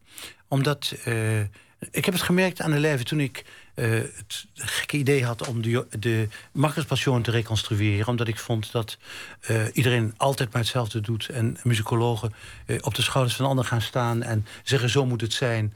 En ja, ik vond dat heel on onafhankelijk, een heel afhankelijk idee van mensen. Denk er eens over na en ga wees eens kritisch of het allemaal wel klopt. Zo heb ik het zelf gedaan en toen merkte ik het, het, zoeken in de werken van Bach... waar je dan de tekst van de Marcus onderplaatst... dus parodies was dat bij ons heet. Uh, zelf uh, um, plagiaat kun je ook zeggen. Um, uh, dat ging allemaal. Maar de restatieven waren weg. En de restatieven, ja, daar kon je dus kiezen uit restatieven... van een andere componist die incompleet waren... of je kon het zelf doen. En nou, ik had zoveel restatieven gespeeld dat ik dacht, nou, dat kan ik wel. Nou, dat viel goed tegen. Ik vond het heel ingewikkeld. En die eerste recitatieve heb ik wel, wel misschien wel tien keer gemaakt. Omdat je vond dat dat niet niveau in de buurt kwam. En later je kunt hem toch niet aanraken. Hij, hij, is toch je meerdere. Ja, dat hij, dat hij gewoon met een kleine knik in een harmonie iets weer te zeggen dat je... Prachtig, hè? je krijgt een soort hartattack daarvan. Nog, nog steeds, net zoals Het, het, jongetje die dat voor het eerst uh, hoorde. Je, aan het begin zei ik dat jouw vader jazzmuzikant wilde worden? Was het ook, als amateur. Hij was drummer, geloof ik. Ja, hij was drummer en hij speelde eh, heel veel met, eh, met groepjes op bruiloften en partijen. En hadden ze nu hun jam sessions te tamen. En eh, onlangs belde mij iemand op en die zei... ik denk dat ik jouw vader gezien heb bij een bevrijdingsconcert. eh, Zwolle was bevrijd, ik kom uit Zwolle. En er was een concert op de Grote Markt. Er zat een drummer en die gooide zijn stokken in de, in de lucht. Terwijl die speelde, dan drumde hij met zijn voeten verder. En toen herinner ik me dat mijn vader dat ook deed. Dus ik zei, ja, dat is hem waarschijnlijk geweest. En, eh, maar ik herinner me, ik heb niks met jazzmuziek... hoewel mijn jongste dochter Marieke heel goed jazz zingt. En heel erg bezig met jazz, met eh, combo, met, met een big band. En dat geweldig doet. En niet alleen omdat ik haar vader ben... maar ik kan dat ook nog wel beoordelen om te zien wat ze kan improviseren. Maar jou is eigenlijk iets gelukt wat je vader niet gelukt. Zei het in een ander iets, namelijk professioneel fulltime muzikus te worden. Helemaal in, in de muziek eh, te gaan. ja, dat had hij graag gewild. Het is hem niet gegeven, waarschijnlijk een andere tijd. Of misschien... Ja, het was de, de, de tijd eh, rond de Tweede Wereldoorlog. En eh, zijn vader overleed. En hij moest als oudste zoon het, het, het, het kruidenierswinkeltje wat we hadden overnemen. Nou, dat vond hij heel verschrikkelijk. Je hebt dat, dat overgenomen, die droom, en op, op je eigen manier. Waar houdt eigenlijk de liefde voor de muziek op? In welke tijd? Want, want Bach stierf in 1750. Ja. Wa- wanneer is muziek nog leuk? Want, want jazz, daar hou je dan niet zo van. Led Zeppelin denk ik ook niet. Eh, nee. Nee, dat kan. Nou, Maar het, eh, eh, ik moet zeggen, de, ik heb lange tijd gezegd... Mozart Requiem is het einde van de muziek die ik doe. Dat is langs was ik toch wel naar 1850 gegaan. Hè, wat ik dan avant-garde noem. Want ik vind het wel... Ik maak een uitstapje in een moderne wereld. In een exotische wereld die heel interessant is. En het is leuk weer terug te keren de muziek die je kent, 17e, 18e eeuw. En eh, hè, van, vandaar de neg- negende van Beethoven die ik deed. En, eh, ik heb met het toen nog bestaande eh Radio Kamerorkest heel veel eh, dingen gedaan, zoals het Requiem van, eh, van Schumann. En de kans gehad om dit soort werken ook te leren kennen en tijd hebben om te repeteren. Het was heel bijzonder dat ik die kans kreeg. Dus het is een beetje uit. Maar muziek van Broekner eh Malen is ook muziek die ik niet ken. Eh, toen iemand, eh, ik schijn ergens in een interview gezegd hebben dat ik het Sacre nog nooit gehoord had. En dat was net, bestond net 100 jaar. Die was van Stravinsky. ja, en, maar dat is ook waar. Ik heb, een, ik heb wel een, een stukje gehoord daarvan, maar ik heb het nooit helemaal gehoord. En dan zeg ik, ja, er is nog zoveel muziek die ik graag zou willen horen. Ik vind ondertussen de Beatles leuk, maar dat heeft erg lang geduurd. Hè? Dat is een soort klas, klassiek, eh, klassieke muziek geworden. En ehm, eh, ik hoor natuurlijk best wel, eh, ook wel moderne muziek zo nu en dan. En, maar bijvoorbeeld toen mij gevraagd werd of ik het Poulenc klaverstimmelconcert wilde opnemen... toen was de vraag, ja, we weten zeker dat je nee zegt... maar wil ik je toch vragen? En toen dacht ik, nou, ik ga me er toch even in verdiepen. Ik belde Rijnbert op om over bepaalde technische vragen... zo van een voorslag bij eh, Poulenc. Hoe zit dat? Ja, zei hij, we proberen ze altijd op de slag te brengen... maar ze klinken er altijd voor. Nou, dat soort nonchalance eh, van iemand die net zo met eh, zijn muziek bezig is... ik met mijn muziek, eh, dat vond ik, daar had ik wel wat mee. En ja, ik ben toen gaan studeren. En toen, na een paar dagen, heb ik gezegd, ja, ik doe het. Het hoort tot ons klassiek repertoire eigenlijk. En het is natuurlijk ook interessant, maar de, de barokmuziek wordt altijd van gezegd: het is, het is muziek van, van een, een, een vrolijke tijd. Er zit een soort vrolijkheid in, een, een feestelijkheid. Maar Bach, oorlog, hè? Bach gaat alleen maar over de dood. En het is een tijd met enorm veel oorlog. Ik geloof in, de, in, de, in Duitsland is ongeveer de helft van de bevolking op een zeker ogenblik omgekomen bij de 30-jarige oorlog. Ja, dat is verschrikkelijk. En, eh, en, eh, eh, dus je moet leed was iets heel normaals. Kindersterfte was iets heel normaals. En vooral kindersterfte van kinderen die peuters waren. Maar toch, toch is die muziek ook vrolijk. Er, er zit toch een soort troost in, een soort, bijna een soort acceptatie. Bach is, is ook meerdere kinderen verloren in, Ja. zijn, in zijn leven. Ik denk dat het emoties zijn die in, in barokmuziek zijn... die algemeen menselijke emoties zijn. Als ik de emoties hoor, zelfs in Beethoven... dan zijn die veel individueler. En je moet je maar open willen stellen daarvoor. Voor mij, als ik Mahler of Bruckner hoor, een enkele keer... dan denk ik altijd, wat duurt het lang? En als ik dan een enkel koorwerk van Bruckner wel eens hoor... dan denk ik, ja, dat is beknopt. Dat vind ik dus veel mooier. En eh, dat zegt niet dat andere mensen dat moeten denken. Alsjeblieft niet, laat ze alsjeblieft naar luisteren. Maar eh, ik heb langzaam zeker, veel later dan Frans Brugge... eh, geleerd te houden van, eh, van Beethoven. Maar nog steeds vind ik het jammer... als je muziek van Bach hoort... dat de piano het weer is gaan winnen van het klavecimbal. Wat Maar- hebben we fout gedaan? Maar die, maar die geest van, van die muziek, hè? want het, het, onder ogen zien van sterfelijkheid. Want voor Bach was dat, je zei eerder zijn brood. Ja. De, de, de dood, dood was zijn brood. Ja. Tegelijk ook die troost en, en ook een soort levenslust en vrolijkheid erin. Heeft hij dat op jou kunnen overdragen? Is dat ook hoe je zelf in het leven bent gestaan? Denk je daaraan? Ja, ik ben, ik ben een, een grote optimist, geloof ik, dat ik dat eerder kan zeggen. En als ik zie hoe Bach via zijn geloof eh, kan geloven van... ik gooi me voor mijn dood. Ik zou daar het verdrietigste stuk schrijven. En Bach schrijft Allegro. En je ziet alleen een beweging in de richting de Ik hemel. verheug me op mijn dood. Ja. Ja, ik, ik, ik denk niet zo. En eh, de, het zal gegarandeerd wel een keer gebeuren. Maar eh, ik eh, probeer dat zover mogelijk van me af te schrijven. En terwijl ik eh, meegemaakt dat mijn moeder op 17-jarige leeftijd overleed. Dus ik heb het wel meegemaakt, maar ik heb het echt weggeduwd om met muziek. En ik kan me voorstellen bij Bach ook dat hij in staat was om door alle verdriet juist de troost te vinden in de muziek. De troost die, eh, die zijn emotie eh, eh, kon, kon opnemen. En, en heeft daarmee naast vrolijke stukken... Je ziet bij Bach ook ongelooflijk vrolijke, innige stukken... waar je ziet dat, dat Bach, dat als bezoekers in de Leipzigkamer... dat ze het leuk vonden om bij Bach een pijpje te roken... en een glaasje wijn te drinken. Want zo, zo was het ook. Zo was het ook. Dank dat je te gast wilde zijn. En heel veel succes met eh, alle projecten, alle optredens, eh, alle tournees. eh, noem maar op. Ton Koopman, dankjewel. Pieter, dankjewel. Zometeen gaan we verder met onder andere een verhaal van F. Starik. En we gaan het hebben over hele andere dingen. Namelijk een hip-hop album dat zeer, zeer lovende recensies krijgt op dit moment. Twitter, het VPRO NMS of de mail nooit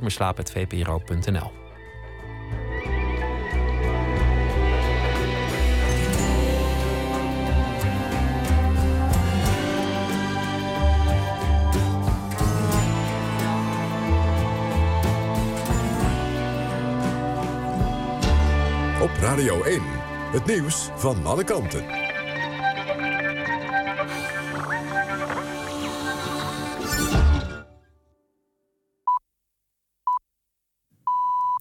1 uur, Helene Ecker met het NOS-journaal. De KLM onderzoekt of de regels voor het aantal mensen dat in een cockpit zit moet worden aangepast. Een aantal luchtvaartmaatschappijen heeft besloten dat er altijd twee mensen in de cockpit moeten zijn. Eerder zei de KLM nog dat wordt vastgehouden aan de regels die zijn ingesteld na de aanslagen van 11 september en dat piloten ook alleen in de cockpit mogen zitten. Aanleiding voor de heroverweging is de ramp in Frankrijk... waar de gezagvoerder van het Germanwings-toestel... door de co-piloot werd buitengesloten... waarna de co-piloot het toestel bewust zou hebben laten crashen. In New York zijn zeker twaalf mensen gewond geraakt... toen een gebouw van vijf verdiepingen gedeeltelijk instortte. Drie van hen zouden er slecht aan toe zijn. Het gebouw staat in het centrum van New York... in de wijk East Village in Manhattan. Het gebied rond het pand is geëvacueerd. Burgemeester Bill de Blasio zegt dat er waarschijnlijk een gasexplosie was. In het gebouw zaten op de begane grond een nagelstudio en een kledingwinkel... en daarboven appartementen. Meer dan 200 brandweerlieden proberen het vuur te blussen. Het ziet er naar uit dat ABN AMRO na de zomer naar de beurs gaat. Het kabinet nam anderhalf jaar geleden al het principebesluit... dat ABN AMRO terug naar de markt zou gaan. Op welke termijn en hoe dat zou gebeuren moest nog worden vastgesteld. De staat hoopt 15 miljard euro op te halen met de bank... die in 2008 werd genationaliseerd. Politieagenten in het hele land zetten morgen om twee minuten voor twaalf weer de sirenes aan van politieauto's en motoren, omdat er volgens hen nog geen goed CAO-bod is. Vorige week lieten ze de sirenes een minuut lang loeien. Morgen zijn de sirenes twee minuten lang te horen. Volgens de bonden gaan de acties door tot er een goed bod ligt van de werkgevers. Dan nog het weer. Vannacht trekken buien over het land en langs de westkust gaat het hard waaien. Overdag wisselen zon en wolken elkaar af en valt er nog een enkele bui. Smiddags wordt het ongeveer 9 graden. Dit was het NOS Journaal. NPO Radio 1. VPRO. Nooit meer slapen.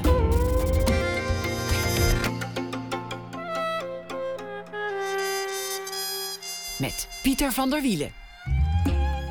U luistert naar Nooit meer slapen. F. Starik eh, was ooit stadsdichter van Amsterdam. Hij is ook eh, de initiatiefnemer van het eh, project Eenzame Uitvaart. Waarbij dichters optreden voor eenzaam gestorvenen.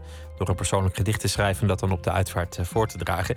Deze week zal hij elke dag een verhaal voor ons schrijven over de afgelopen dag. En dat na ene voordragen. F. Starik, goeienacht. Goedenacht, Pieter. Vertel over deze alweer voorbije dag. Ja, het was natuurlijk de dag van Andreas Lubitz, de co-piloot uh, die 150 mensen met zich meenam uh, de, dood, de dood tegemoet. Ja, wat een verhaal. Wat een ongelooflijk verhaal van die vent. Uh, wat me daar ook bij opviel, dat zo'n verhaal dan enorm wordt geadopteerd door de sociale media. Inmiddels zijn er, uh, althans volgens de schrijfster Marieke Groen, 17 Facebook-profielen van deze man aangemaakt.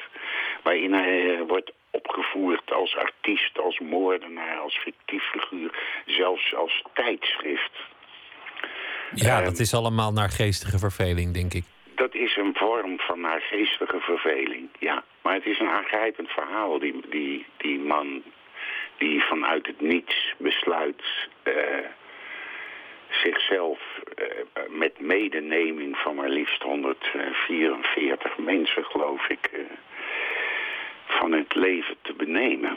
Het is ook een beetje, ja, ik weet niet of er een goede manier bestaat om te sterven, maar dit vind ik een tamelijk overbodige manier om nou, te sterven. Ja, wij klagen graag over mensen die voor treinen springen, want dat is zo rot voor de machinist. Maar dit is toch wel van een andere orde. Het is iets, iets heel ongelooflijk.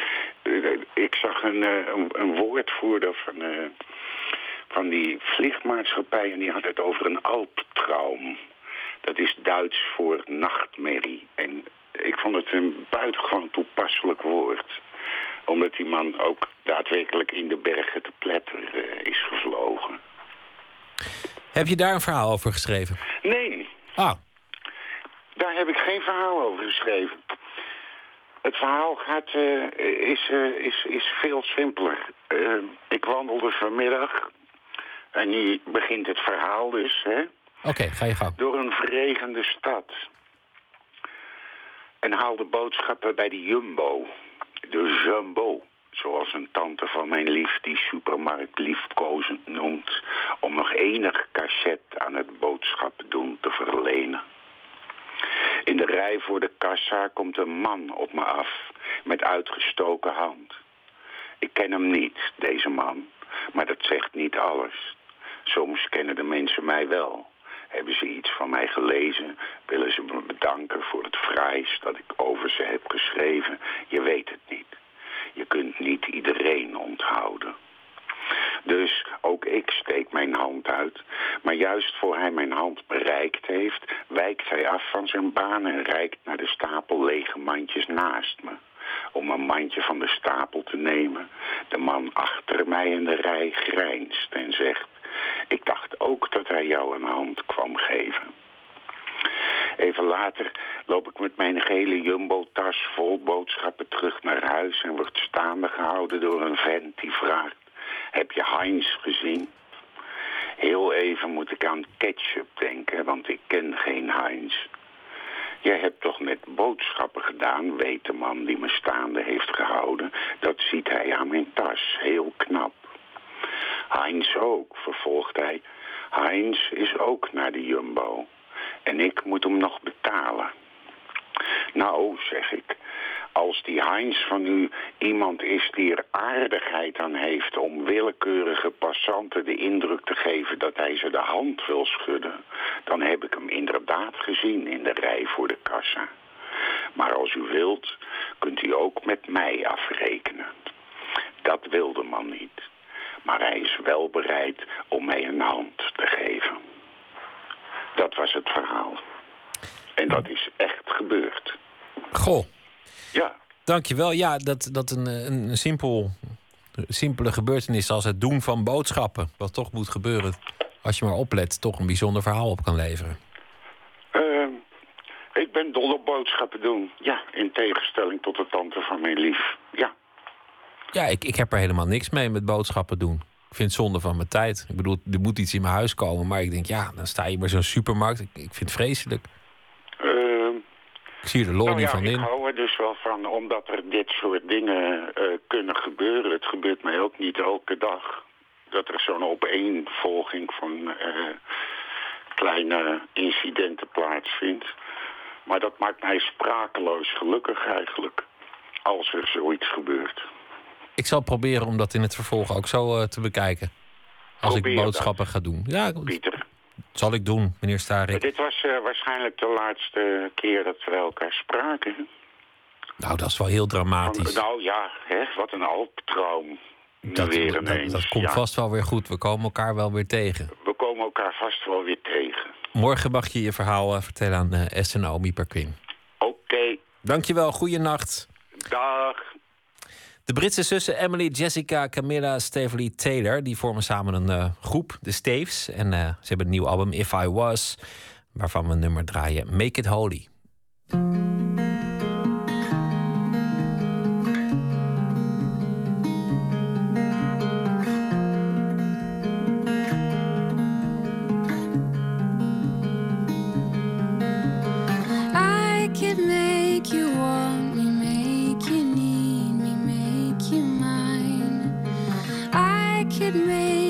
Holy, make it special, make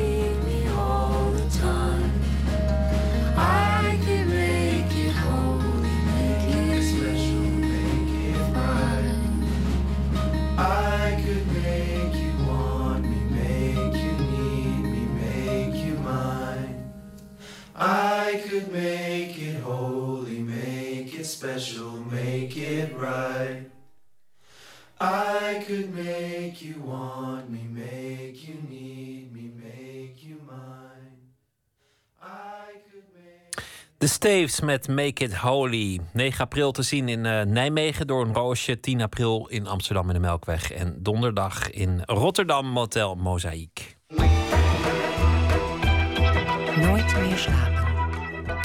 Het was alweer uh, meer dan 60 jaar geleden dat in Nederland een tentoonstelling was te zien van het werk van de Franse schilder Henri Matisse. Leefde van 1869 tot 1954. Het is nu weer zover. In het Stedelijk Museum in Amsterdam opent morgen de Oase van Matisse. Gijsbert van der Wal die mocht al naar binnen, liet zich rondleiden door conservator Bart Rutte.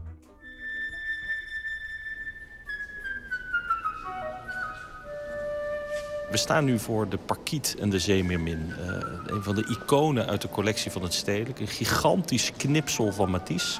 Een van zijn laatste knipsels. Hè. Komt uit uh, 1954. Is meer dan 7 meter breed en meer dan 3,5 meter hoog.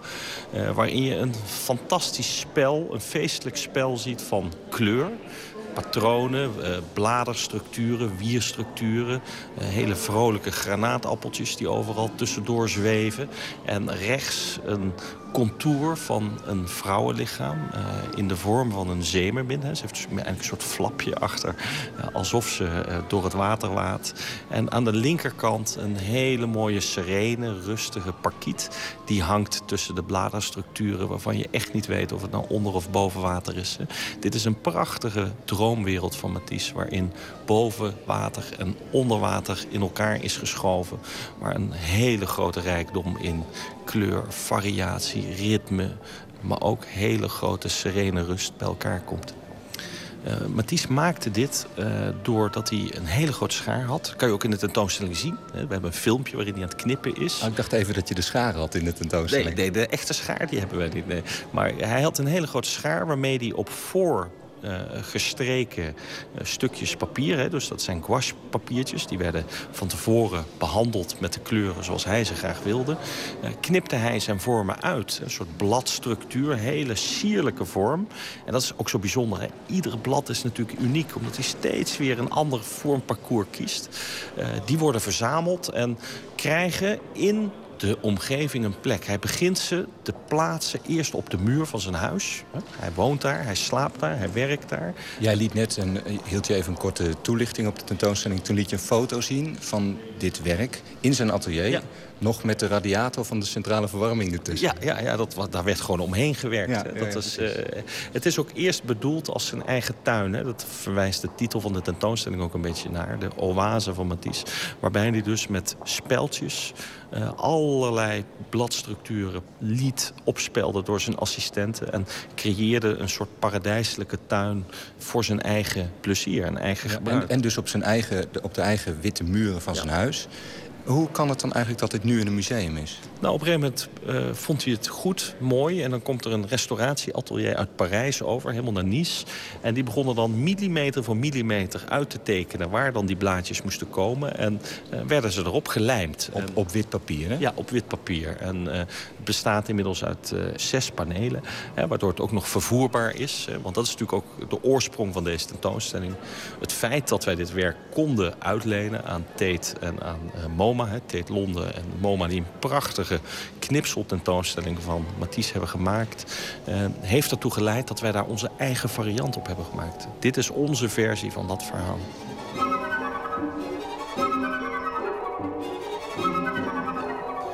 Kijk, hier zie je een heel klein knipseltje. De val van Icarus, hè, een van zijn meest duistere werken. Dit maakte hij ook tijdens de Tweede Wereldoorlog. Hè. Er zijn mensen die zien in die kleine gele sterretjes explosies. En er zijn mensen die zien een bloedend hart in dit kleine, vlammend rood middenstukje wat geplakt is. Of in dit geval niet eens geplakt, maar nog echt met speltjes bevestigd aan een witte figuur die in een nacht hangt. Ja. En dit dus, is... dus even voor de duidelijkheid, een witte figuur op een zwarte baan. Uh, midden in die figuur een rood accent en daaromheen in die zwarte, die zwarte baan zit weer een blauwe achtergrond. En daarin zie je allemaal sterren. Hè? Ja. Een soort vuurwerk van sterren. Ja, het is echt een heel vurig, klein, uh, heel erg adembenemend schoon werkje. Maar waarom het zo bijzonder is, deze is nooit afgelijmd. Hij besloot altijd van nou, nu is het goed. Uh, dan kwam uh, de assistent of een medewerker en die begon precies op die plek te lijmen. Maar deze heeft nog zijn speltjes erin zitten. Dus je kan precies ook zien hoe die werkt. En als je dan echt dichtbij gaat kijken, dan zie je ook in het blauw soms gaatjes zitten. Ja, daar zitten precies twee gaatjes. Dan weet je, oh, wacht even, hier zat even een speldje. Dus hij heeft misschien hier ook een klein geel sterretje gehad. Ja, ja dus hier kun je eigenlijk de sporen zien... van hoe hij die, die sterren steeds verschoven heeft in, de, in de nacht. En daar komt het ook vandaan. Hij heeft de eerste knipsels gemaakt om zichzelf te helpen... met het vinden van de juiste compositie. Hij knipte kleurvlakken uit, begon ermee te schuiven... om dat dan vervolgens te schilderen. Dat deed hij eigenlijk midden jaren 30. En... Ja, ja, dus, dan, dus, hij, dus je, je hebt vormen voor in de schilderij... Maar anders dan in de schilderij heb je die vormen los... zodat je er nog mee kunt spelen. Dat, is, dat is de hele reden waarom die knipte. Daar begon hij mee. Ja, dat was eigenlijk voor hem een hulpmiddel... om composities in balans te krijgen. En daar schuilt ook misschien wel de kracht van Matisse. Wat er ook gebeurt op je oppervlak. Of het nou knalt, of het alle kanten uitgaat altijd is er een consistente uh, compositie die zo harmonieus in elkaar zit... dat je altijd die hele vriendelijke uitstraling krijgt. Hij heeft ook wel eens gezegd... voor mij moet kunst zijn als een uh, comfortabele leunstoel. Maar de vraag is dan dus, hoe deed hij dat? Hoe kreeg hij die dingen zo prachtig op hun plek? En dit hier, dit, vooral dit werkje met die speld... is dus eigenlijk het antwoord op die vraag. Ja, dit is dan uit 43. Uh, hier zie je dus hoe hij daarmee kon componeren. Hè?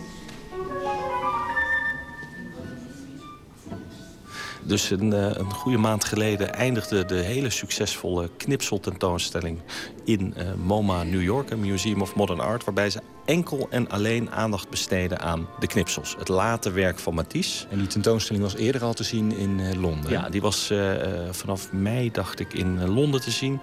daarna doorreizend naar New York. Wij hebben daar onze eigen variant op gemaakt. We hebben een deel kunnen overnemen.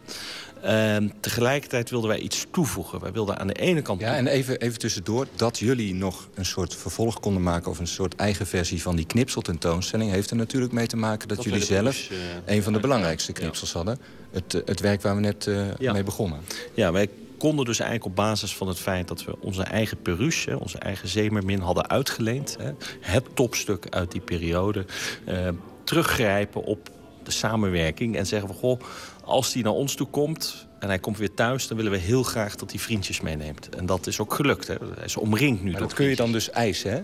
Omdat je, of eisen, maar ik bedoel, dat, zoiets kun je vragen... omdat je zelf iets te bieden hebt als uh, zeker, Zeker, Het is niet een echte dealing room... Waar, waarbij je bij elkaar gaat tellen van... als ik dit krijg van jou, dan krijg jij dat van mij. Maar het is wel zo dat participerend in een internationaal netwerk... van belangrijke musea, en dat doet het stedelijk gelukkig...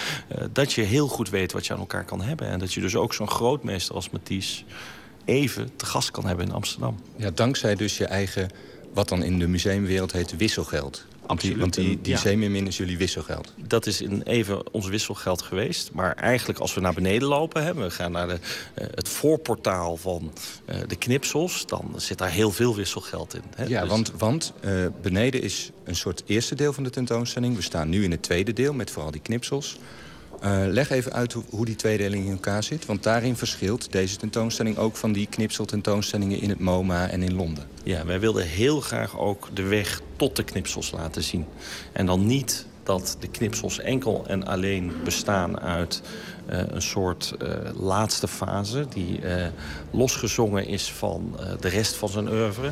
Wij wilden die knipsels heel graag laten zien als een vanzelfsprekende vervolg op uh, de eerdere praktijk als schilder en als tekenaar. Eigenlijk komt het schilderen en het tekenen precies bij elkaar in zijn knipselpraktijk.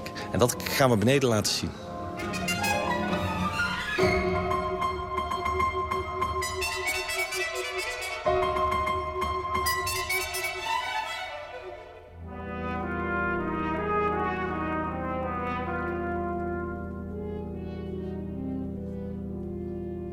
Boven zagen we dus de late Matisse, toen hij uh, vooral knipte en plakte. Hier beneden uh, zien we de, eigenlijk de aanloop, hè, de voorgeschiedenis. Ja, late Matisse is ook echt later. Die man die was 80 toen hij dat maakte. Kan je dat voorstellen? Ja, ik kan me voorstellen omdat er een filmpje draait waarin je hem ziet. Ja, ja. Als oude man bezig met die... Met die...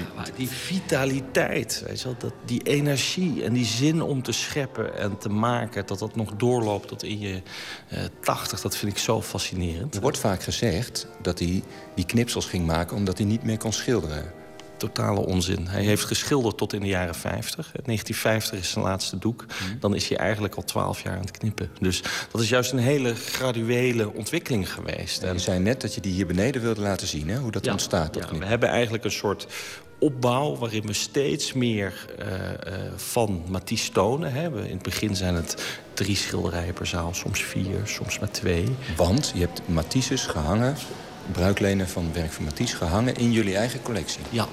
Hoe verder je in het parcours loopt, hoe meer hij het museum overneemt. Dus je begint eigenlijk in de vaste collectie... en je loopt, zonder dat je het merkt, eigenlijk de tentoonstelling binnen. Ja, heel langzaam maar zeker eh, neemt hij het over. Als we dan nog één zaal verder lopen... hebben we een prachtig schilderij uit de collectie van uh, Byler hangen. Naast een hele spectaculaire knipsel, helemaal uit Japan hier naartoe gekomen... uit het Ikeda Museum. En je ziet ze naast elkaar, je ziet het plantmotief. En wat je opvalt is vooral de overeenkomst en niet zozeer het verschil. Het is bijna dus het, een, het een is een schilderij van een plant op een tafel, stil leven met een plant. Rechts hangt dan eh, dat knipsel uit Japan met ook een plantmotief. En inderdaad, dat is een prachtig beeldrijmen. Ja, het is een, uh, niet alleen een beeldruim. Het is gewoon laten zien waar het Matisse om te doen was. Hè. Het vangen van die levende vormen in een hele prachtige compositie... die spanning oplevert in de wijze waarop het is opgebouwd... waar heel veel gebeurt, maar tegelijkertijd die serene rust van de voorstelling. Het schilderij links is echt uit dezelfde tijd, uit het knipsel, hè, 48, 49. Dus dat bestond parallel aan elkaar. Het is niet zo dat hij op een gegeven moment ging uh, knippen en plakken... omdat hij niet meer kon schilderen? Absoluut niet. En als je hem ook ziet met die schaar... als je zo'n grote schaar kan vasthouden... kan je ook heus wel een kwastje vasthouden. Weet ik heel zeker.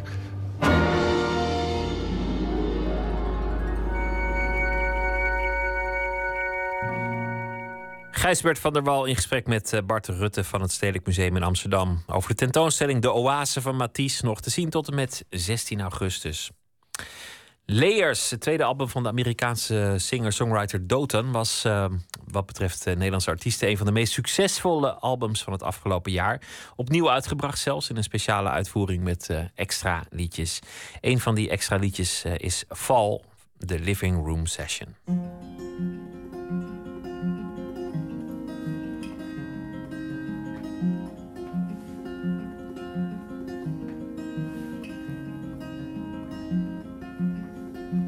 Come out while the rain is gone.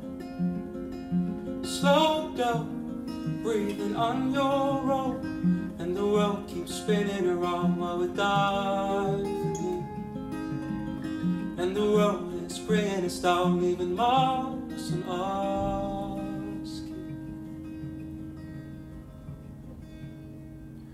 Cold wind beneath our wings breezing out till we let it in, don't we all fall? Chasing lights off the dying lips, change won't come if we don't begin, don't we all fall? Don't we all fall? Stone cold by the silver sea, ripped out of this make believe, and we all keep traveling till the lights get dim. While we all keep climbing the walls, chasing marks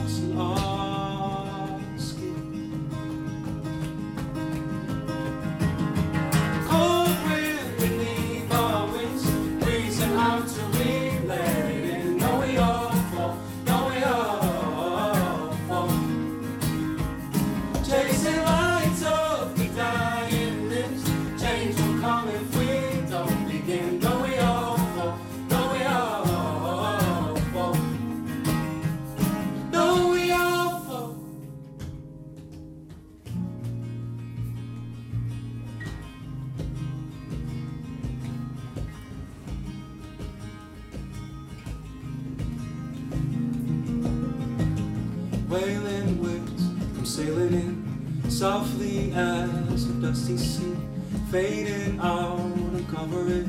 Whoa, oh, oh, oh, oh, oh. oh. giving way with the blazing light. The Arctic sun shines on the night, falling stars of the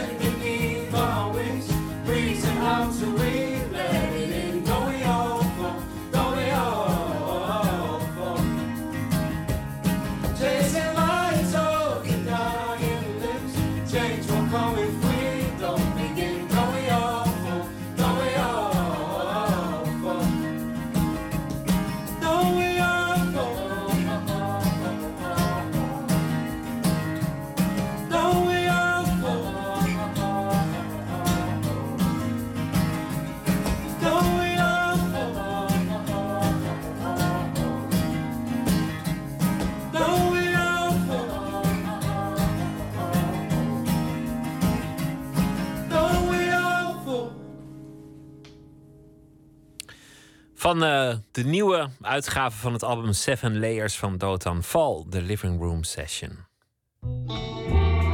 Nooit meer slapen. Eens in de zoveel tijd zijn uh, muziekjournalisten eensgezind over uh, een album. Op dit moment zijn ze dat over het album To Pimp a Butterfly van Kendrick Lamar. Hip-hop met funk, jazz en poetry slam. Botte Jellema is onze nachtcorrespondent en hij weet er alles van. Botte, wat is het uh, unanieme oordeel over dit album? Nou ja, bijna dat uh, hier en daar wordt gezegd dat het literaire kwaliteiten heeft. Um, dan gaan we eventjes de sites af natuurlijk. Pitchfork, een hele bekende voor uh, liefhebbers. Die gaf het album een 9,3 en dat is extreem hoog voor hen. The Guardian, een Britse krant, 4 sterren. Blad Rolling Stone, 4,5 sterren. En dan uh, uit Nederland, NRC, vier sterren. Parool en Volkskrant, beide vijf sterren. En iedereen schrijft echt lyrisch over het album van Kendrick Lamar.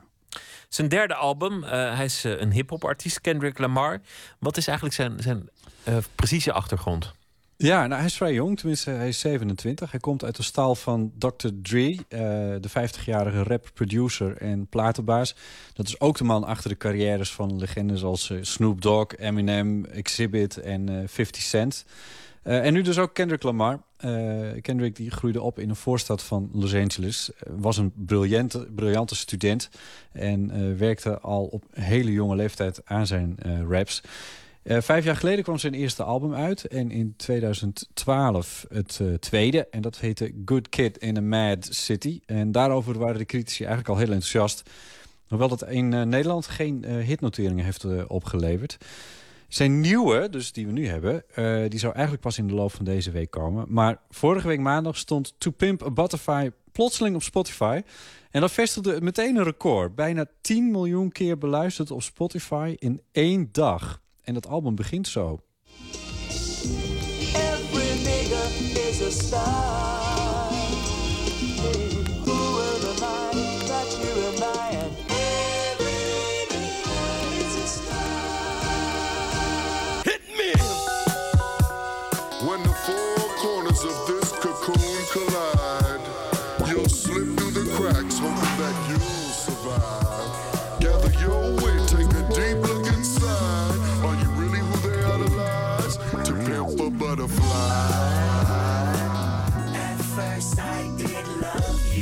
Ja, Botte, hier, uh, hier hoor ik uh, P-Funk, Parliament, Ja. George Clinton. Ja, Heel goed. oude tijden Ja, komen terug.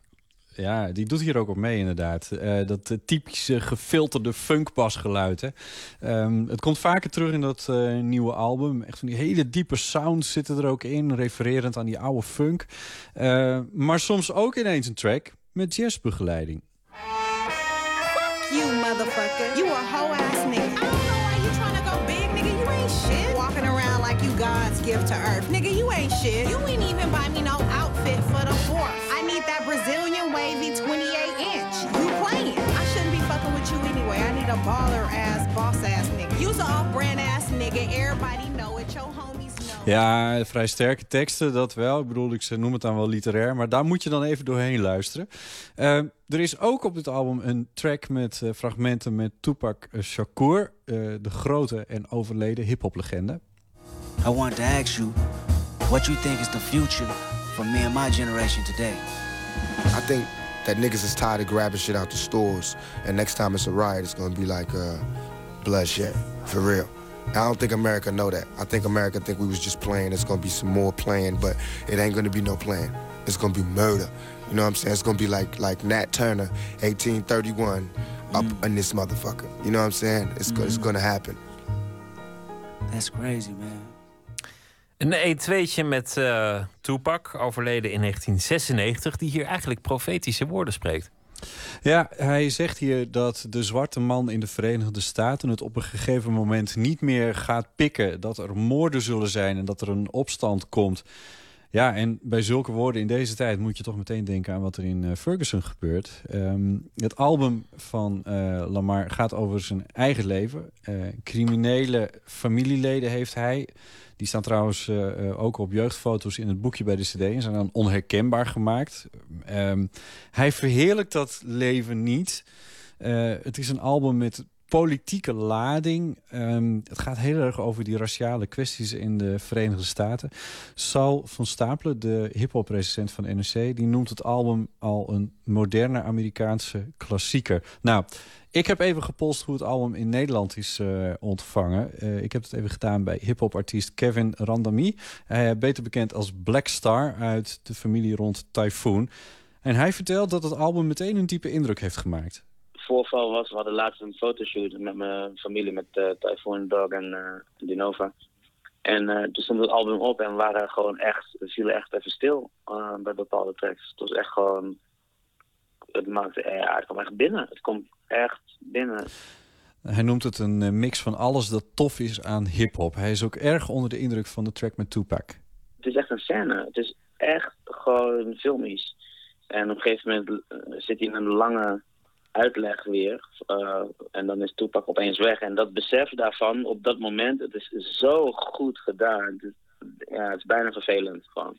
Dat je, ja, dus gewoon hoe ze dat hebben gedaan. Ik weet, dat is zo mooi neergezet. Het is, en niet, niet alleen dat het in vorm mooi is, maar het is ook inhoudelijk. Het is alsof het echt zo is gegaan, zeg maar. Het is super goed gedaan.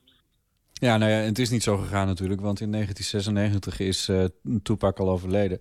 Uh, dus het is gemonteerd, want ja, in 1996 was uh, Lamar, Kendrick Lamar, was een, een, jaar of acht. Dus ja, dan kun je dat natuurlijk niet op deze manier gedaan hebben. Het is een prachtige montage geworden, dat klopt. Um, Blackstar die zegt dat hij dit album echt een mijlpaal vindt. Um, hij zegt, het is een tamelijk commercieel album, want Lamar verkoopt gewoon miljoenen.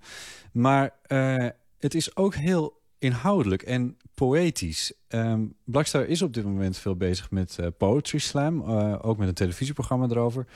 En in dit album van Lamar zit dat ook. Uh, en hier ziet hij dat hip-hop in, inhoudelijk dus eigenlijk echt is gegroeid. Ik vind echt dat het heel mooi om te zien dat het echt een opkomst is van liefde voor die moderne vorm van poëzie. Ook in Nederland. Het is lang niet meer allemaal uh, een stukje billen, weet je wel. Er is echt ruimte voor diepgang nu. Ik vind dat echt geweldig. Ik ben er heel blij mee. Ja, niet alleen schudden met uh, de billen. Een uh, verwijzing naar de videoclips van veel andere rapartiesten. Maar ja. diepgang, al dus Blackster. Ja. Een, um, een mijlpaal las ik uh, her en der. En ook een handboek van een generatie. Want dat, dat speelt ook mee. Het, het gaat allemaal over kwesties die nu heel actueel zijn. En daarmee lijkt het ook een, een beetje um, de spijker op de kop te slaan voor een bepaalde generatie. Ja, nou ja, um, er wordt echt ingegaan op die raciale uh, kwesties. Je hebt natuurlijk de, de, de hip-hop die we kennen, inderdaad, dat schudden met die billen, die, die, die, die, tracks met, uh, met, met, met harde teksten en straattaal en al die zaken meer. Uh, Kendrick Lamar, die, uh, die probeert het toch echt literair, meer literair aan te, te pakken. Hoewel hij dus wel die street credit heeft, want hij, komt van de straat. En hij is, wat leuk is, is bijvoorbeeld in die track met Tupac. Dus, dan zegt hij op een gegeven moment wat ik je wil vragen.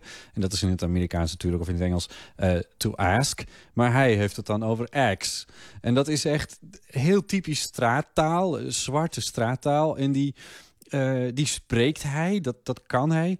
Maar ondertussen weet hij toch op een ook eh, een, een, een, op een soort liefdevolle manier weet hij die, die, die, die teksten zo mooi te krijgen dat het ja, voor heel veel mensen echt literair wordt.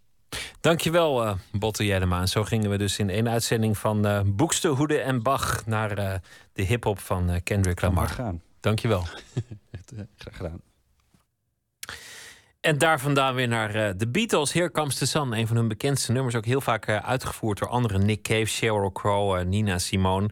En een van de mooiste versies uit 1970 van reggae-muzikant Peter Tosh.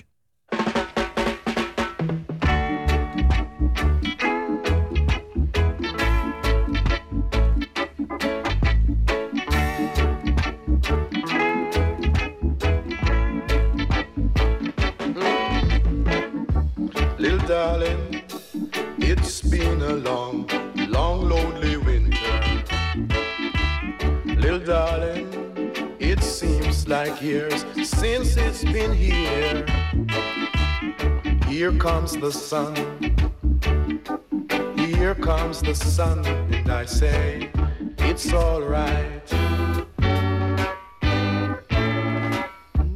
Little darling, the smiles are returning to their places.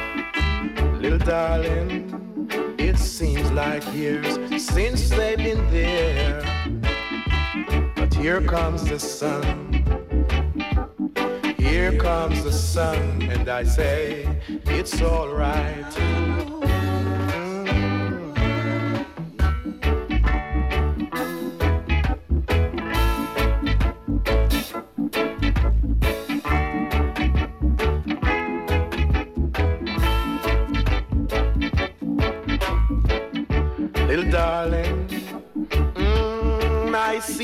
Ice is slowly melting. Little darling, it seems like years since they've been there. And here comes the sun. There goes the snow, and I say, it's alright. Mm, It's alright. I see the ice is slowly melting. Little darling, it seems like years since they've been there. Here comes the sun. There goes the snow, and I say, it's alright.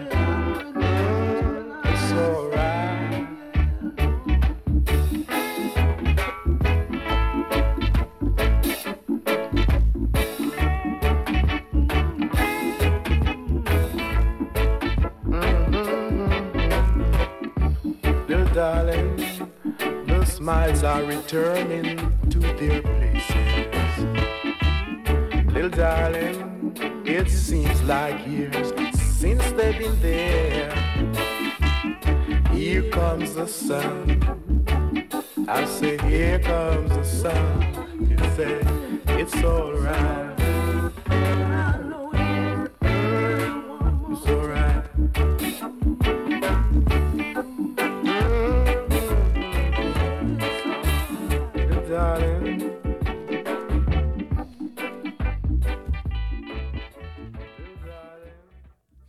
Here Comes the Sun, uitgevoerd door eh, Pieter Tosh. Nooit meer slapen. Hoe moet je omgaan met een eh, aangekondigde dood? Is er eigenlijk een etikette voor? Het komt eh, vaker voor dat mensen van tevoren bekendmaken dat het eh, leven eindig is en dat ze niet lang meer te gaan hebben. Er lijkt ook eh, behoefte te zijn aan een nieuwe etikette bij zo'n aangekondigde dood. Anton de Goede die gaat op zoek naar die etiketten bij arts en schrijver Ivan Wolvers.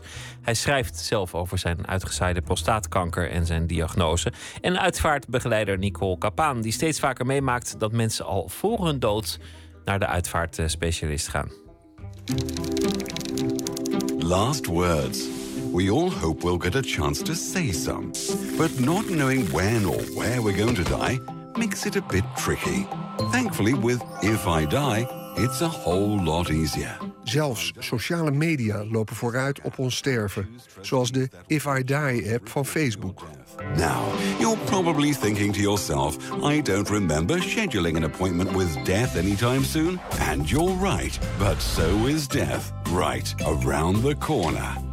Ja, maar dit is niet echt, denk ik. Ik denk het ook niet.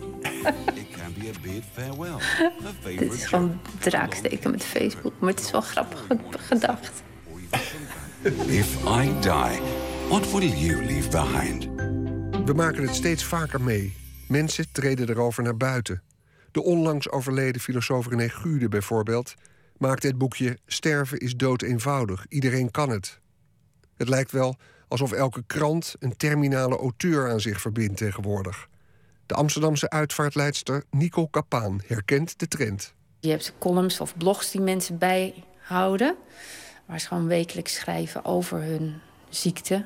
Hoe zij met hun ziekte omgaan. Wetend dat ze gaan sterven binnen een bepaalde tijd. En daarvoor ook weer uitgenodigd worden op televisie. Nou, op televisie weer over praten. En dus ik denk dat het echt wel een, een, een ja, een, iets nieuws is. Om dat zo in de openbaarheid te, te delen met elkaar. Nog even over filosoof en denker des vaderlands René Gude. Als radiomaker schakelde ik hem regelmatig in met vragen over van alles en nog wat.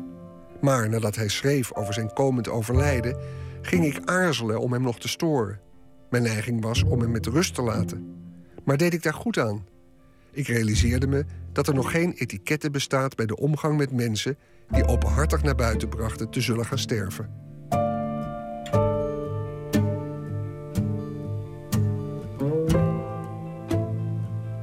Weet je, ik denk dat het al heel wat is eigenlijk als je hoort dat iemand uh,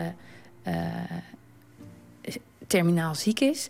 Dat je uh, contact blijft houden met iemand. Ik denk dat dat best wel een, een ritueel moment kan zijn. Hè? Van hoe doe je dat? Is dat door gewoon iemand een kaartje te sturen of een bloemetje? Of um, dat hangt er ook vanaf hoe iemand is natuurlijk. Van kan je er op bezoek of niet? Of vindt, wil, doet iemand zelf dat liever niet? Van wat zijn dan andere manieren dat je dat iemand kan laten weten dat je wel aan diegene blijft denken? Ik denk dat dat al heel wat is. Want er zijn zoveel mensen die nog bang zijn of het eng vinden of denken van. Oh, dat is misschien te veel voor diegene, dat je daar iets in, in zoekt. Dus het zijn eigenlijk al hele kleine dingetjes. Zijn er ook dingen die je per se niet moet doen? Nou, ik denk, ga fluisteren. Ja. ik denk, ja. Ik denk gewoon uh, zeggen van, nou, misschien vinden ze mij, ik ben, ik sta wat verder, verder weg. Uh, afstand houden, dat moet je niet doen, denk ik. Soms staat stervende mensen heel duidelijk voor ogen wat ze willen doen. Ja, je hebt dan mensen die gewoon echt bij hun uh, leven. Hè, dat ze weten van nou, het gaat nu echt, het is niet meer zo heel erg lang. Die een soort bijeenkomsten houden. Weet ik van iemand. Die heeft dat moment gekozen om de spullen. Of de dingetjes die hij had uitgezocht voor mensen. Om die dan te verdelen aan elkaar. En dat was echt een hele gro grote groep. Hoor. Er waren ook iets van honderd mensen of zo die daar kwamen. En uh, dat was ook het moment om diegene daar dan echt voor de laatste keer gedag te zeggen bij leven. Wat was het voor iemand? Iemand gewoon een veertiger.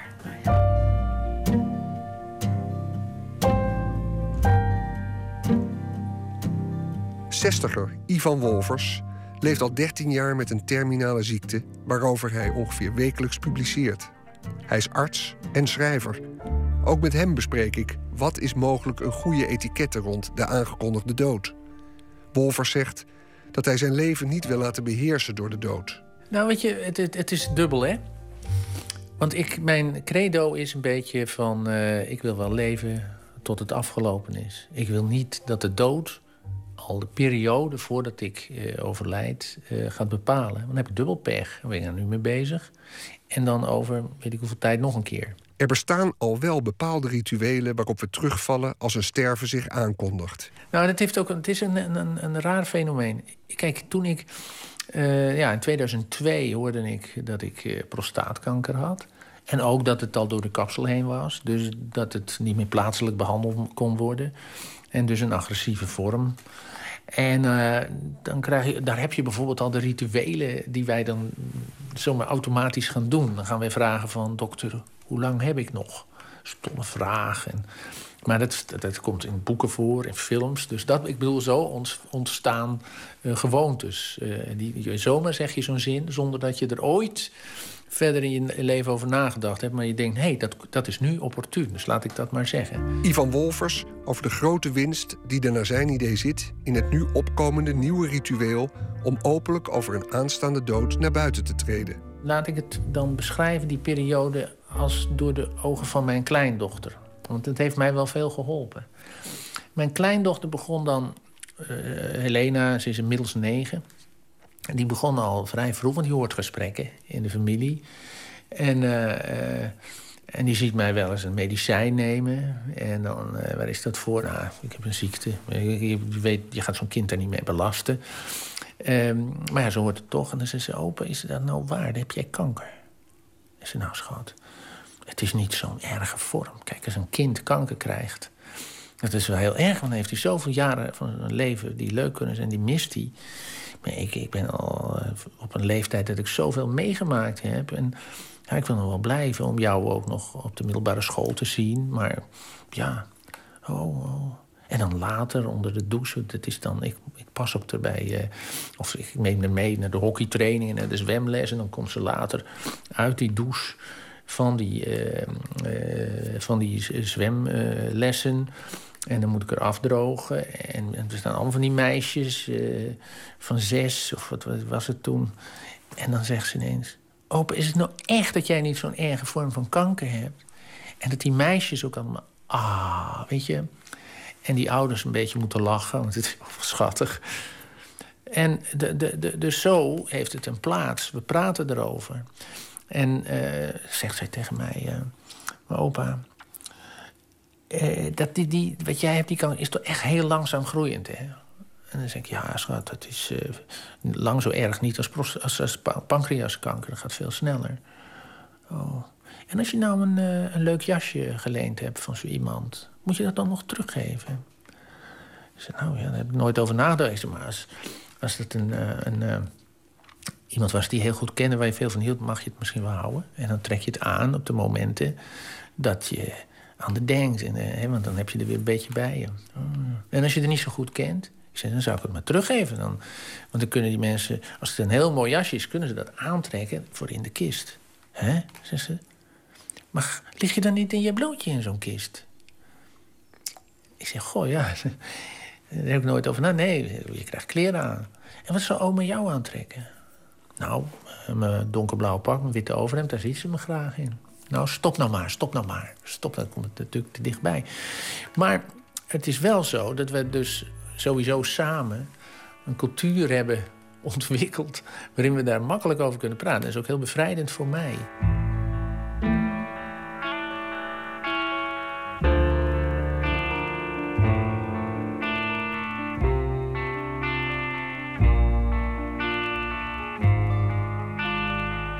Etiketten rond een aangekondigde dood.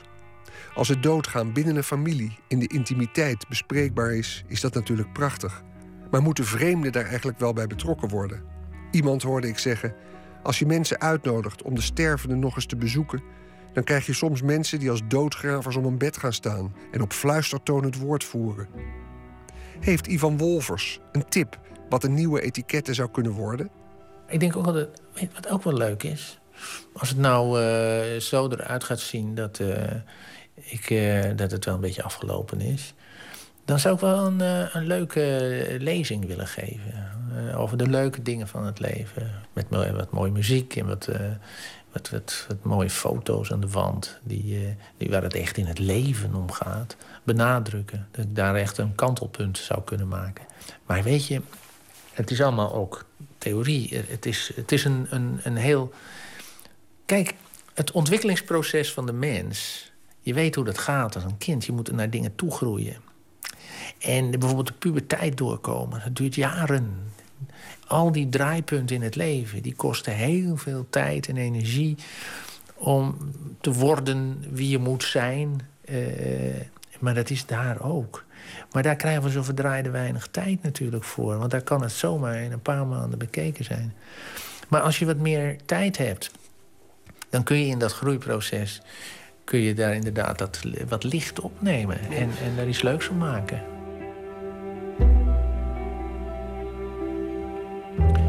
Arts en schrijver Ivan Wolvers en Nicole Kapaan van de Amsterdamse uitvaartonderneming De Ode over een eh, etiketten, al dan niet rond de aangekondigde dood. Een bijdrage van Anton de Goede was dat.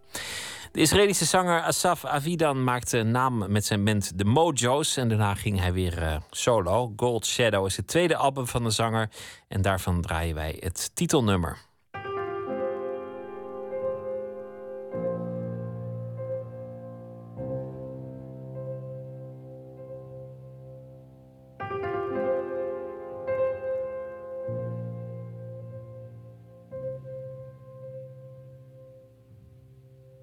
There's a gold shadow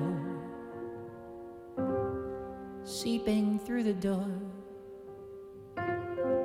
There's a cold sparrow lying still upon the floor. Dead and true as lipstick,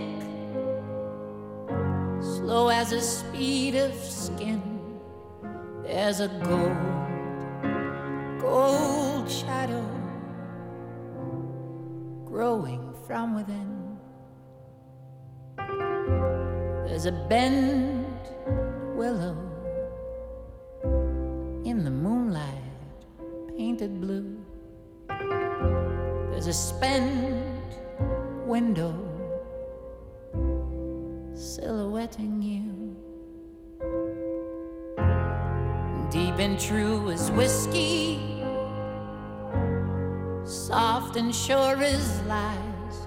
There's a bent, bent willow reflecting in your eyes. But now there's a girl out in a boat. Her arms are outstretched and she's barely afloat. There's a man on the shore, a rope in his hands. It's tied to the board and he's pulling us can. Not to bring her to him, but to pull the whole shore and the whole world with it to her open door. All his voices are heard, all his voices are heard, all his voices are heard, all his voices are heard. Has he been here before?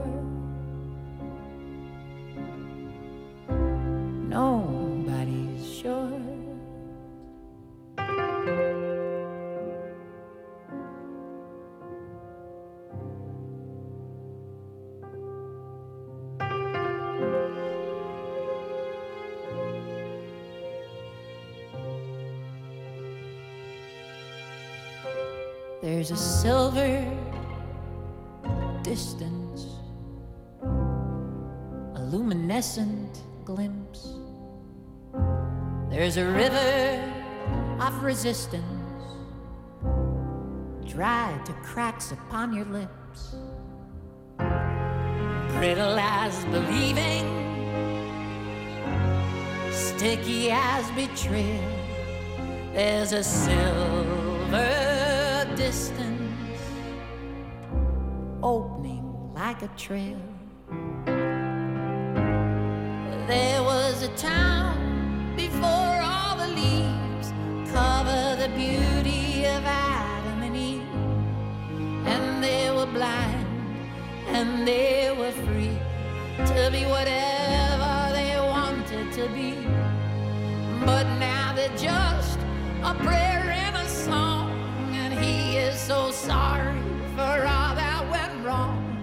his voices are heard, all his voices are heard, all his voices are heard, all his voices are heard. Has he been here?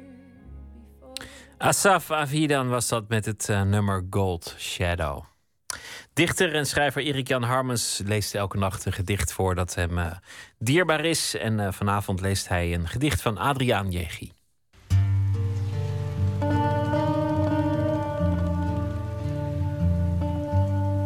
Dit is een ehm, gedicht van Adriaan Jeggi uit zijn postuum verschenen bloemlezing Het, het tegenovergestelde van Heimwee. Ehm, Adriaan Jeggi is in 2008 overleden. En ehm, zijn nagelaten gedichten, dit is een nagelaten gedicht eh, voor zijn dochter, is eigenlijk zo eerlijk en zo eh, lief en liefdevol dat het eh, ja, een mooi geschreven gedicht is, maar bovenal ook een, een ontroerende ode aan een dochter. Het heet eh, Gedicht voor S op haar vijfde verjaardag. Dit is een bevel. Herinner je hoe ik wensen uitsprak boven je kruin? Hoe ik die denkbeeldige eieren brak? Hoe het struif over je voorhoofd, je wangen liep? Je gezicht bleef strak. Het bevel tot lachen werd geblaft. Het lukt me niet. Het lukt me nooit. Ik vrees de tijd die voor ons ligt. Laat ik het maar bekennen. Ik weet niet of, als jij een ander huis omhelst, of ik dan iets verbergen moet. Of dat iets kwaad zal zijn of goed. En of jij in je nieuw portiek dat ruikt naar kromme fietsen, of jij vlak voor je naar binnen gaat nog even aarzelen zal. En over je schouder kijken. Naar gisteren. Nee, ik wil je nooit meer zien. Draai je om en denk aan je nieuwe vloerbedekking. Aan al degenen die je gaan begroeten. Niet aan gras tot je heupen. En vaders in verval. Erik Jan Harmans las een gedicht van uh, de in 2008 veel te vroeg overleden dichter Adriaan Jegi. Morgen zit hier uh, Esther Naomi Perquin en die praat met uh, schrijver Thomas Lieske. Een van zijn vaste thema's is het spelen met tijd en ruimte. Zo ook in zijn nieuwe boek Retourschip de Liefde, waarin een Madonna-fan van nu verdwaald raakt in de 17e eeuw. Dat morgen in Nooit meer slapen. Nu een hele goede nacht en uh, ik hoop dat u morgen weer luistert. Straks op uh, Radio 1 de dagzuster Astrid de Jonge. Die is in uh, goede vorm zo te zien. En die zal alle mensen met vragen aan elkaar doorverwijzen.